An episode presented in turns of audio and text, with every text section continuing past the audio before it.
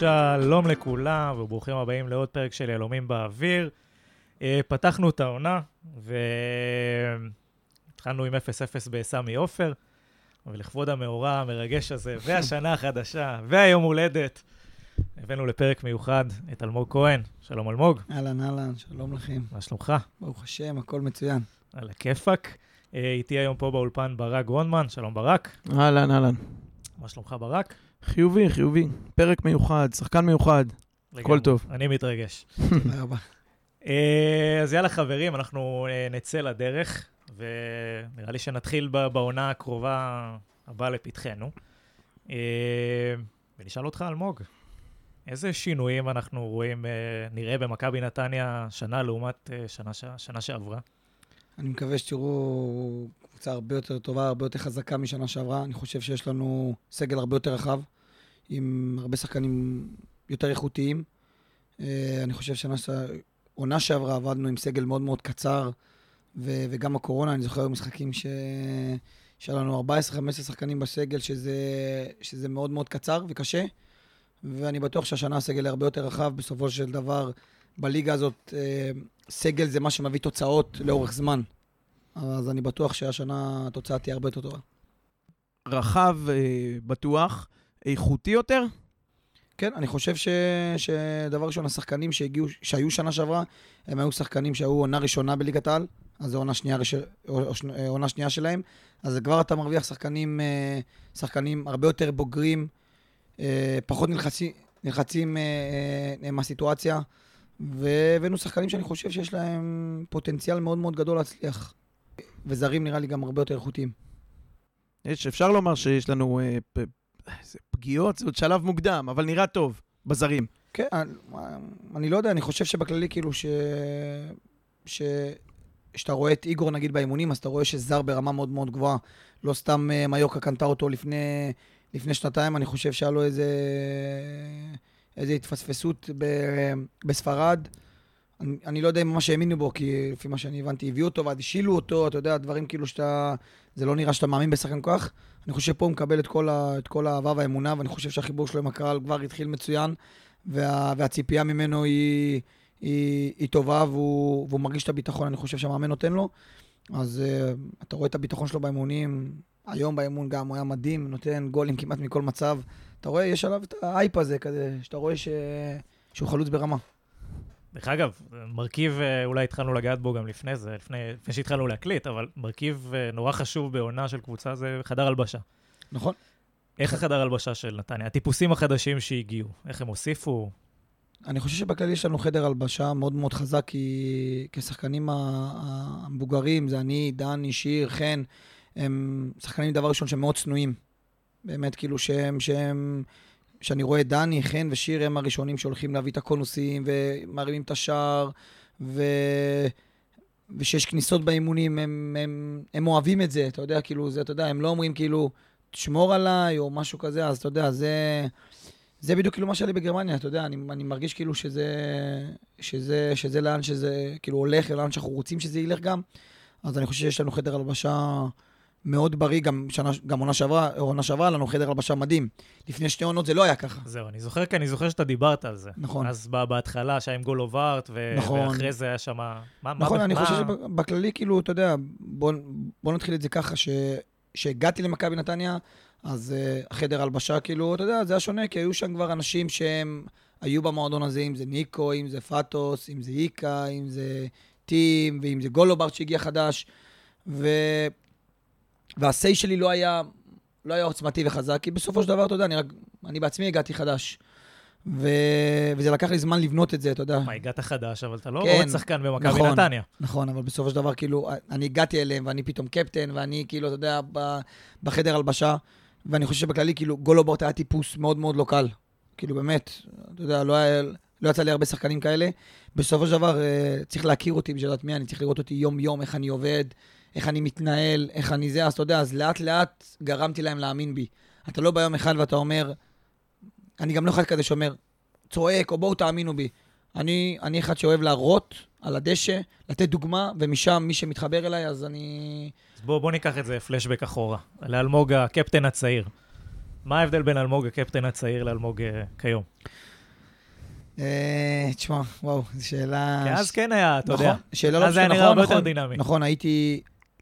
אתה יודע, הייתי, צעיר, הייתי, הייתי יותר אגרסיבי, הייתי יותר...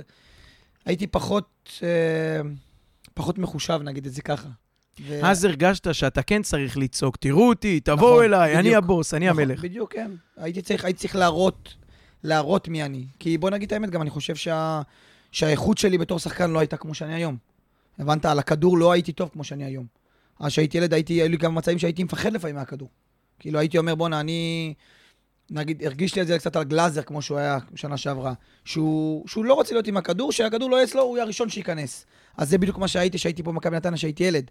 אז על הכדור לא הייתי טוב, אבל נגד הכדור הייתי באמת ברמה מאוד מאוד גבוהה.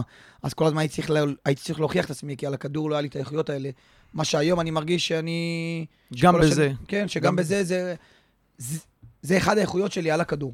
היציאה עם הכדור, הביטחון על הכדור, השקט על הכדור. אז, אה, אז אני חושב שאני מאמין בהמון דרכים בלתת דוגמה ולהראות שאנשים יראו איך צריך לעבוד, ו- ולא לצעוק עליהם ו- ו- ולגרום להם למקום של, של אי נוחות. שאם צריך, אני לא הולך את זה לשם, כן? אם צריך, אני גם יכול להיות כזה. יש לי ש- שתי שאלות, נ- נתחיל באחת. אה, רצוי להתחיל באחת. ה- אי אפשר להתחיל משתיים. דווקא השיפור הזה עם הכדור, ודווקא זה, אתה חושב, זה דיון אחר, אבל אתה חושב שזה מה שהביא אותך לעמדת הבלם? בגלל מה שאטפלד מאמין, בגלל מה שהוא רוצה? אני... זה יתרון שדחף אותך לעמדת הבלם? או שזה נגיד- הכל אילוצים, זה שהגעת לא, לשם? בוא נגיד שאם אם, אם רמונד לא היה מאמן, אני לא חושב שהייתי גם רוצה להיות בלם. הרי בלם זה עמדה משעממת, בוא נהיה אמיתיים. אני חושב, רק בגלל הסגנון של רמונד, שבלם חייב לקחת את הכדור, והוא רוצה שהבלמים יצאו גבוה, וילחצו את החלוץ, ויהיה הרבה מאבקים של אחד על אחד, אז מבחינת זה אני חושב שזה מה שמשך אותי להיות בלם. כי בסופו של דבר אני בלם ואני פי עשר יותר בולט מאשר שהייתי קשר.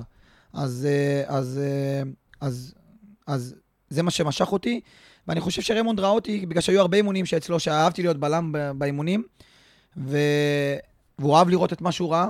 ואתה יודע, בסופו של דבר, אתה יודע, תמיד אתה אומר לעצמך, טוב, הוא היה קשר כל הקריירה, אני, איך הוא יהיה בלם? ובסופו של דבר, כשהוא נתן לי להיות בלם, אז אני חושב ש... שהשיפור בהגנה והנעת כדור, ממצב שבוא נגיד את האמת, היה לנו הרבה משחקים ש... שעשינו הרבה התקפי לב לאוהדים, שזה הזכיר לי קצת המשחק אתמול של הנבחרת, שהיו עיבודים חופשי ברחבה, אה, כן. לחלוצים. אז אני חושב ש... שבזה השתפרנו ונהיה הרבה יותר שקט בהגנה. ו... ואני חושב, כמו שאני אומר את זה תמיד, הבלמים הם העמדה הכי חשובה לסגנון משחק כמו שרמונד, אה, שרמונד, אה, שרמונד מבקש ורוצה. אז ככה שמבחינתי אני חושב שישבתי על העמדה הזאת בול, ו... וכיף לי, אני נהנה כאילו להיות, אה, להיות בלם אצלו. אני לא מרגיש כאילו שאני עכשיו מחוץ למשחק, ההפך, אני מרגיש שאני משפיע על המשחק הרבה יותר מאשר שהייתי קשר. שמע, הנעת כדור שלנו, היא נועדה להיות מאחורה כדי למשוך באמת את הקבוצה היריבה ליצור שטחים, אם אני מבין את זה כמו... נכון? אה, כמו ככה, ובאמת, שם אני חושב שאתה מביא לידי ביטוי באמת היכולות ניהול משחק, מה שלפני שנתיים או שלוש אה, זה היה אמור להיות באמצע. נכון, כן, בדיוק. אני חושב ש, שבסופו של דבר, אה, אה, אני מביא את, ה, את הרוגע והביטחון הזה, כי בסופו של דבר הוא רוצה גם תחת לחץ, שאנחנו נקבל את הכדור. אז אה, בוא נגיד, לא כל שחקן, במיוחד לא שחקן צעיר, יכול לקבל כדור בתוך הרחבה, שחלוץ יוצא ללחוץ אותך ואתה צריך לקבל החלטה, זה משהו לא קל, אז אני מבין גם ש, ש, שלפעמים אה, נלחצים מהסיטואציה, כי הרי אני באתי בתור קשר.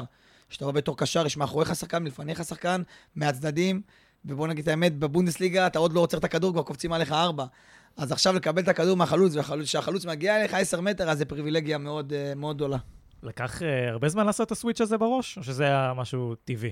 לא, כי אה, כמו שאמרתי, אני, אנחנו לוחצים מאוד מאוד גבוה.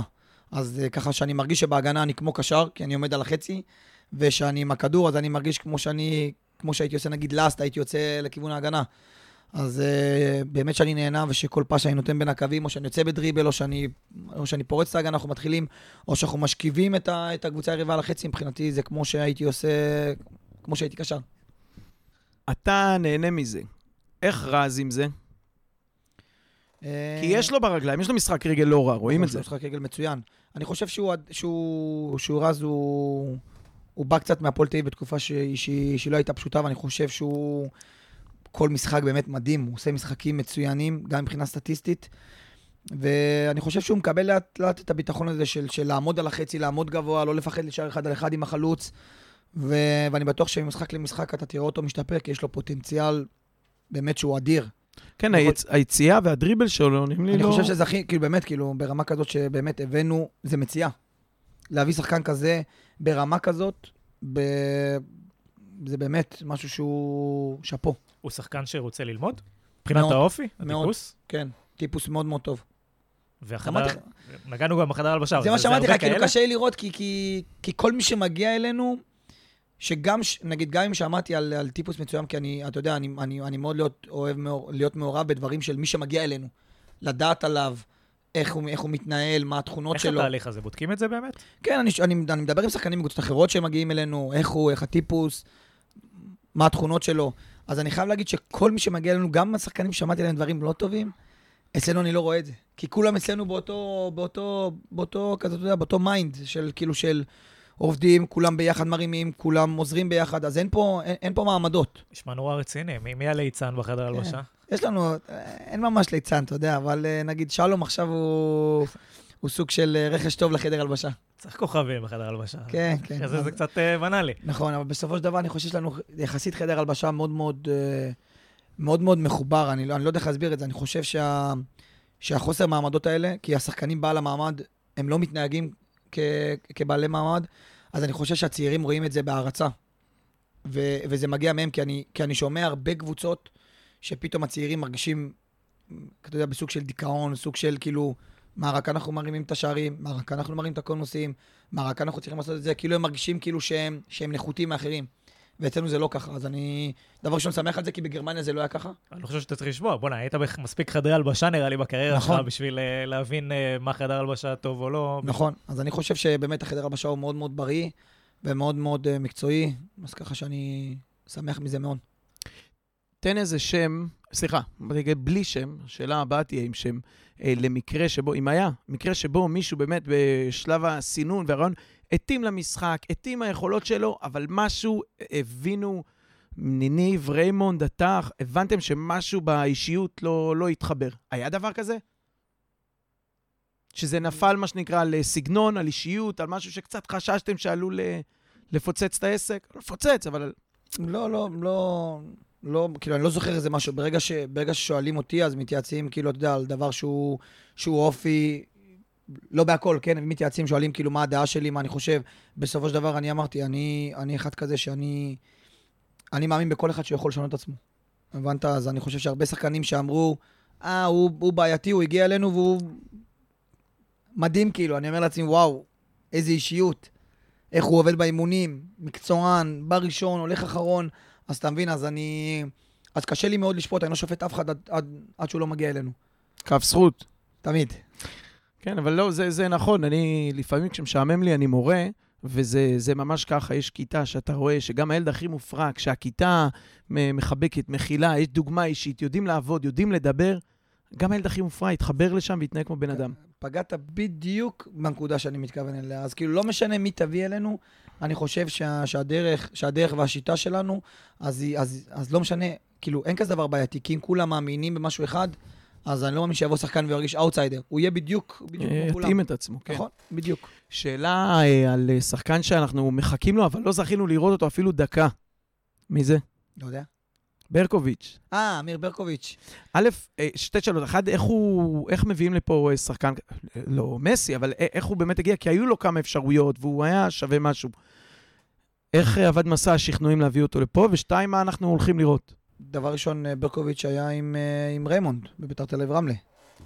נכון, אבל לדעתי גם היה שם קריית שמונה על הפרק עם נוסבאום. אה, כן, היה, אני אומר כאילו בכללי ש, ש, שברקוביץ' מכיר את, אה, ריימונד. כן, זה נותן לנו תמיד צעד קדימה, גם עם נכון. אה, ק- קרצב, גם עם נכון. גויגון. אז, אה, אז בוא נגיד ככה של, שלברקוביץ' היו הרבה הצעות והוא שם, אתה יודע, הוא שחקן, בוא נגיד, ש, שנותן לך את, ה, את ההתרגשות הזאת, כי יש לו, יש לו כדורגל ברגליים. והוא שחקן שה, שהקהל רוצה לראות, לצ- לצערנו, הוא נפצע בקרסול, קרה קרע, קרע, קרע קטן בקרסול, עכשיו הוא חזר לאימונים מלאים, אני מאמין ש, שבמשחק הבא הוא כבר יהיה בסגל, ולאט לאט הוא, הוא יתחיל להשתלב. אני חושב, כמו שאמרתי מקודם, שכל שחקן בסגל אצל ריימונד הוא, הוא שחקן מאוד מאוד חשוב, והוא רואה בכל שחקן כ, כמישהו שהוא מאוד מאמין בו. ריימונד הוא סוג של מאמן שהוא, שכל שחקן שאצלו בסגל הוא באמת מאמין בו שהוא יכול לעשות דברים, אה, דברים מאוד גדולים בשביל, אה, בשביל מכבי נתניה. תשמע, יש תמיד את הדיון עליו בקהל, מה שנקרא, על ריימונד. איך היית מאפיין אותו או מדרג אותו ביחס למאמנים אחרים שחווית בחו"ל ובארץ? אה, אני חושב שמבחינת עבודה ומקצוענות, הוא באמת ברמה מאוד מאוד מאוד מאוד גבוהה. הוא מקצוען, הוא מכין את האימונים שעות, והאימונים שלו מאוד מאוד אינטנסיב, אינטנסיביים וקשים. ו... אז ו... איפה קורה הפער הזה בין, ה... בין האימונים לבין מה שרואים על הדשא? תשמע, אין על זה, אין, אין, אין, אין לי הסבר של משהו, של, משהו, של משהו ספציפי. אתה יודע, כדורגל זה דבר מאוד מאוד דינמי. הרי גם המאמנים הכי גדולים בעולם יכולים לעבור מקבוצה לקבוצה, ופתאום אתה אומר, בואנה, זה לא, זה לא הגיוני מה שאתה רואה. נגיד ליברפול עונה שעברה, אתה אמרת, בואנה, איך הם נראים, זה מביך. זה לא יכול להיות אותו מאמן. אז, אה, אז אני חושב ש, ש, ש, שגם למאמן יכול להיות up and down'ים בתקופה מסוימת. כי בתקופה מסוימת אתה יכול לראות קבוצה מדהימה, ובתקופה מסוימת קבוצה קצת פחות טובה. זה, זה הכל תלוי גם בדינמיקה של, של, של, של אותה תקופה, שפתאום שחקן נפצע, שחקן לא נפצע, אה, אה, כמה הסגל רחב, כמה הסגל הוא יכול, הוא יכול להיות גמיש איתו. אז אני חושב, אני חושב שהשנה הזאת יש לנו סגל מאוד מאוד גמיש, ו, וכמו שאמרתי, השנה הזאת מבחינתנו שנת uh, מבחן. מרגישים שזו שנה שנייה של מאמן? כן, אתה מרגיש את זה. אתה מרגיש שאתה מבין מה, שאתה מבין מה הוא דורש ממך. שבהתחלה זה הכל היה חדש, הכל היה חוסר, אה, חוסר הבנה כזאת, אתה פתאום מרגיש... כאילו יודעים מה ריימונד דורש. אתה כבר אומר, אתה יודע מה ריימונד רוצה, אתה יודע מה, לאן צריך לרוץ, אתה יודע מה צריך לעשות. זאת אומרת, אנחנו נראה היום, בוא נגיד, העונה הזאת היא פחות חריקות ב... ב... אני חושב כאילו מה שראינו... בקבוצתיות. נכון, נגיד מה שראינו עונה שעברה, תחילת עונה, את החוסר הבנה בהנעת כדור בהגנה, אז אתה לא תראה את זה השנה, כי כל אחד בערך יודע. כן, יודעים היו... גם מתי, מתי סיכון גדול שהם נותנים ארוך. היו כמה שיחות לשחל שם. כן, אז אתה מבין, אז, אז אני חושב שהדברים האלה, שהדברים האלה פחות נראה. אני חושב ש, שנראה קבוצה מאוד מאוד חזקה. אתה יודע, כאילו, יאמר לזכות רמון, לפעמים, לפעמים זה יפה, לפעמים פחות יפה, לפעמים זה מאוד התקפי, לפעמים פחות התקפי. אבל תמיד יש קבוצה חזקה על המגרש. תמיד אתה רואה קבוצה כן. שעומדת, קבוצה שקשה לנצח אותה, שקשה לפצח אותה, לא משנה נגד מי. וקבוצה שהיא, שהיא תמיד, גם שהמשחק לא ברמה גבוהה, תמיד שווה ניצחון מול היריבה, רוב הפעמים. 80% מהפעמים שאתה רואה את מכבי נתניה, גם כשזה נגד הפועל חיפה, המשחק לא היה טוב, אני אומר את זה באמת, ואנחנו צריכים לשחק הרבה יותר טוב, אבל אם מישהו היה צריך לנצח זה אנחנו, כי אנחנו רצ... באנו לנצח. כן. הם עשו הגנה והם ניסו כאילו להעביר את ה-0-0 הזה. וזה מה שקורה המון פעמים במשחקים שלנו. שגם כשהמשחקים הוא לא מתעלה לרמה גבוהה, אנחנו אלה שיוזמים, אנחנו אלה שרוצים לנצח. לפעמים, לפעמים אני מסכים, כאילו, חלק מהקהל רוצה שנזרוק את הכל למעלה, ושאתה יודע, אני, אתה יודע... לא, לא נזרוק, אבל כן. לפעמים זה נראה שאין לנו את האיכות בשביל למצוא את הפתרונות האלה. אה, כשצפובות, קבוצות אה, מצופפות מאחורה, וזה מה שקורה ברוב הליגה, אני מסכים כן. איתך. אה, רוב הליגה היא לא קבוצה, היא לא, לא יוזמת. היא נכון. מחפשת להסתגר מאחורי הכדור, לצופף קצת, ואז אתה צריך למצוא את הפתרונות בצורה טיפה יותר יצירתית. השנה יש לנו את האיכות הזאת? אני אני בטוח שיש לנו את האיכות הזאת. כאילו, בוא נגיד שאנחנו שחקנו נגד מכבי חיפה, ועשינו משחק אדיר שם בחוץ, שהפסדנו 2-0, אז אני זוכר ש, שרמונד הקים מהספסל את גנדלמן וקיליאן, שישחקו חלוצים, כי לא היה לנו חלוצים את מי להכניס. כי באמת לא היה. כן. אתה מבין? לא היה לנו, שחקן הז'ובל נפצע, אז זה החלוצים שבע. אני, שהשנה אני רואה את הספסל, ואני רואה שהוא מקים נגד הפועל חיפה את חן, את uh, שלום, את, uh, את uh, מזרחי, uh, ועוד יש לך את ברקוביץ' שרק חוזר מפציעה, ועכשיו יש לך את פאפה. שגבי גם לא שיחק, צריך לא לשכוח שגם גבי וגם דני לא שיחקו. כן. אתה מבין? כאילו, שתי שחקנים שמאוד חשובים היו אצלנו. דרך אגב, איך הסאגה הזאת השפיעה עליכם בתוך החדר הלבשה? אמרתי לך, כי יש חדר הלבשה מאוד מאוד חזק, ואנחנו באמת מאמינים, כאילו, אתה יודע, אנחנו באים כל משחק לנצח, ויאמר לזכות רמון שהוא, שאין אצלו כזה שחקן שהוא מעל כולם. אז זה שאתה אומר שכל הסיפור עם גבי לא נגע בכם בכלל. לא, מבחינת האיכות שלו, אתה יודע, אתה יודע לא, לא מבחינת האיכות. מבחינת זה לא. לא. זה השפיע, הרגישו לא. שכאילו אתם על קפיץ כולם עם השעון, מתי יישאר, יחתום, לא יחתום. או שהקבוצה ממשיכה להתקדם, וגבי יסדר את ענייניו. אני חושב ש... ש... שהיו הרבה משחקים גם שגבי לא שיחק, כאילו הקבוצה יחסית התכוננה לזה שגבי לא יישאר, כי הרי גבי שחקן שאמור לפתוח כל משחק בהרכב. הרי הוא לא פתח נגד אם אני לא טועה, נגד מכבי פתח תקווה. היו שניים, או בית"ר אולי אפילו ירושלים. שלושה, כן. הפועל חיפה כבר בכלל אה, זה. מכבי פתח תקווה, לא- אה, מכבי פתח תקווה נכנס במחצית. הפועל חיפה... אה, הפועל תל אביב לדעתי אה, גם. הפועל תל אביב, בית"ר ירושלים, שלושה משחקים שהוא כן. לא פתח. הרי שחקן כמו, הרי שחקן כמו גבי, הרי שחקן כמו גבי פותח כל משחק. צריך בהרכב. להיות, כן, אם הוא בריא הוא אם משחק. הוא בריא הוא משחק, אז בוא נגיד שכבר, שכבר התכנון היה שהוא, שהוא, שהוא, שהוא לא נשאר, כי אתה ראית זה שהוא לא שיחק. היה אבל מתוך, סליחה שאני שואל, פוזיציה של אה, נייבש אותו וכאלה. פשוט ריימון הבין שרוב הסיכויים שהוא לא יהיה פה, ואי אפשר לבנות על זה. בדיוק, כן. בסופו של דבר אני מאמין שריימונד, אה, שריימונד חיכה ל, ל, לתחליף, אז זה היה קורה יותר בקלות. אבל אה, בוא נגיד שהיום עם שלום ופפה, אני חושב שזה תחליף מאוד מאוד ראוי. יש, ריימונד הוא, הוא, שנה שעברה אמרת, היו אילוצים וקורונה, אז לא יכולת להבין מה ההרכב, אבל ריימונד הוא אחד שיש לו את העשרה, 11 שהוא רץ איתם, או שבאמת, כמו שאמרת קודם, כמעט כל שבוע, אני מדגיש את הכמעט, כל שבוע כל שחקן ש, שיהיה טוב באימונים, או שמתאים ליריבה, אה, נראה, יכול להיכנס להרכב. נראה לי בגלל, שה, בגלל שהסגל מאוד מאוד רחב, אז ברור שיהיה לו את ה... אני מאמין, איך שאני רואה את זה, את- ואיך שאני מכיר את רמונד, יהיה לו את השבעה, שמונה הגבוהים שלו, ויהיה לו, ויהיה לו את השתי עמדות האלה שהוא, שהוא ישאיר לעצמו פתוחים. מבחינת ה, ה, ה, הפוטנציאל של הסגל, בוא נגיד זה ככה, כי הרבה שחקנים עוד לא שיחקו בליגת העל. הפוטנציאל של הסגל, אז הוא פוטנציאל מאוד מאוד גדול, באמת. יש לנו שחקנים מאוד מאוד איכותיים, איכותיים, עם אחד על אחד טוב. שחקנים, אתה יודע, שכיף לראות. אני רוצה ל- להרחיב קצת ולהגיד, אני, כשאני, בשבילי אלמוג כהן, אה, התמונה זה דווקא לא אה, קטע במשחק. זה היה בהפועל תל אביב ב-3-3, בבלומפילד, עם האדום אה, שקיבלת שם, ואני זוכר שאתה יוצא החוצה, ילד צעיר, ואבוקסיס רץ לנזוף עליך, שתעוף, אתה מבזבז לו זמן. ואתה עומד מולו ועונה לו, אני פה, ואני עושה מה שאני רוצה, ואני יוצא בקצב שלי. אבוקסיס הגדול. אני זוכר את זה, כן. זה, זה אלמוג כהן. שאלה שלי, איפה אנחנו מגדלים, או מוצאים, או, או לא יודע מה עושים, כי זה, זה האישיות. זה היה לפני הכל, אמרת קודם, הדריבל שלי לא היה שיא בשלב ההוא, נכון. אבל ידעו שאת זה מקבלים ממך. יש לנו כאלה בסגל, יש כאלה שיצמחו, יש כאלה בנוער, זה, זה פסיכולוגיה של לעבוד. איך מייצרים, אה, וסגל דיבר על זה, על אה, רעים במובן הטוב. אה, אני חושב שבכללי הכדורגל הוא מאוד מאוד השתנה. אין לנו את הילדים האלה שבאו מהשכונות. נגיד, אני הייתי, אני, אה, אתה יודע, אני באתי בסוג של, הייתי פנימיסט. אתה יודע, אין פנימיסטים. חן עזרא היה פנימיסט. אתה יודע, אלה שחקנים שהם, שהם, שהם גדלו בפנימייה, שבשבילם הכדורגל זה היה הכל. אתה מבין? אז כאילו, מבחינתי הכדורגל היה הכל, מבחינתי הייתי יכול, ואכלתי, כן, השכתי צמיג של אוטו בשביל לתת שחקן. סתם, כי חן זרק לי פעם אחת, אם אתה לא נותן ביס בצמיג של האוטו, אתה לא תצא שחקן. בגיל 16. אז- נתת, כן, נתתי ביס. אז- לגיטימי. אתה מבין? אז כאילו, מבחינתי, להגשים את החלום הייתי עושה הכל. הייתי מתאמן מהבוקר עד הלילה בשביל זה. אז ככה אני חושב ש... שבסופו של דבר, זה משהו שהוא קשה מאוד למצוא היום, כי כל הילדים של היום הם, הם, הם ילדי פלייסטיישן. הם משחקים בפלייסטיישן כל היום. אני הייתי לוקח כדור והולך בשכונה, משחק. היינו חוזרים מהאימון, היינו בועטים אה, בדשא באורט. אז אה, גם על זה מנסים לעבוד. אתה יודע, שנה שעברה והעונה הזאת, יש לנו את, אה, את דם ולנסי שעובד איתנו על הצד המנטלי, ש, שזה גם, אני חושב, שדרוג מאוד מאוד גדול למועדון.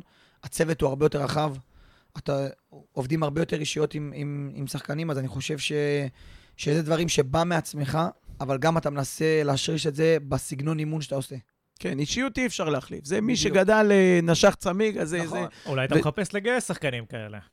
אה, לא, אבל אני מסכים איתך, שזה, ב- התשובה היא בראייה רחבה. באמת, הדור הזה, הם יותר, אה, יותר מסתכלים ב- ב- ביוטיוב על שחקנים, נכון? עושים תרגילים, הם מצלמים את עצמם, מקפיצים בטיקטוק, מאשר יורדים למטה וחוזרים מזיעים אחרי חמש נכון. שעות כדורגל. זה... שוכח- שוכחים את החולצה ב- כן. במכת רגל, אתה מבין? אז אה, זה מה שמאוד חסר בכללי, לא רק פה בנתניה. זה מה שחסר, נראה לי, בכל הארץ. ערן זהבי דיבר על זה, נראה לי, פעם אחת הוא אמר שהוא היה חתול רחוב. הרי כל השנתונים האלה, כל השנתונים שלנו, כולנו היינו כן. חתולי רחוב.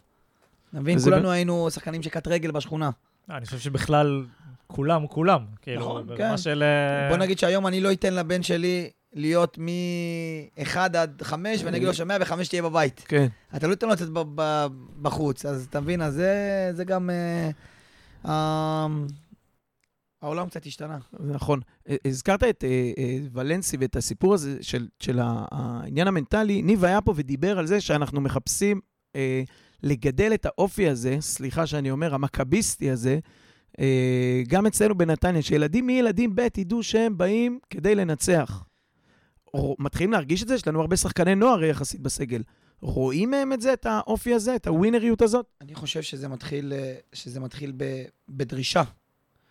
כי האופי המכביסטי הזה, כמו שאתה אומר, זה לא, זה לא, זה לא מה שהם גדלים איתו. הם מגיעים לשם, ושם הדרישה מהם היא מאוד מאוד גדולה. העבודה שלהם היא מאוד קשה יום-יום. יורדים עליהם ומביאים אותם ל, ל, לקצה כל אימון, ומבחינתם להפסיד משחקון זה תחרות יומיומית, ואתה יודע, זה משהו שאני בכללי מאוד מאוד מאמין בו. אני חושב שהתחרות היומיומית הזאת, לרצות לנצח כל משחק, לא משנה איזה משחק זה. ו... ו...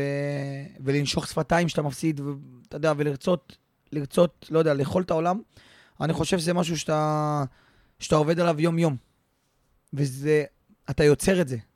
כי הרי אם אני מסתכל על, על למשל, דוגמה, על הפועל באר שבע, לפני חמש-שש שנים, היו קבוצה של, בוא נגיד את האמת, די לוזרים. לא, לקח להם עשור לעשות את המהפך הזה. נכון, אני חושב שכאילו... שמונה שנים נראה לי. נכון, מה שהם הגיעו והבינו שהם, שהם השתנו, והם, וה, והדרישה מהקבוצה שלהם הבוגרת הייתה יותר חזקה ויותר גדולה, אז אני חושב שגם ראית את זה במגרש.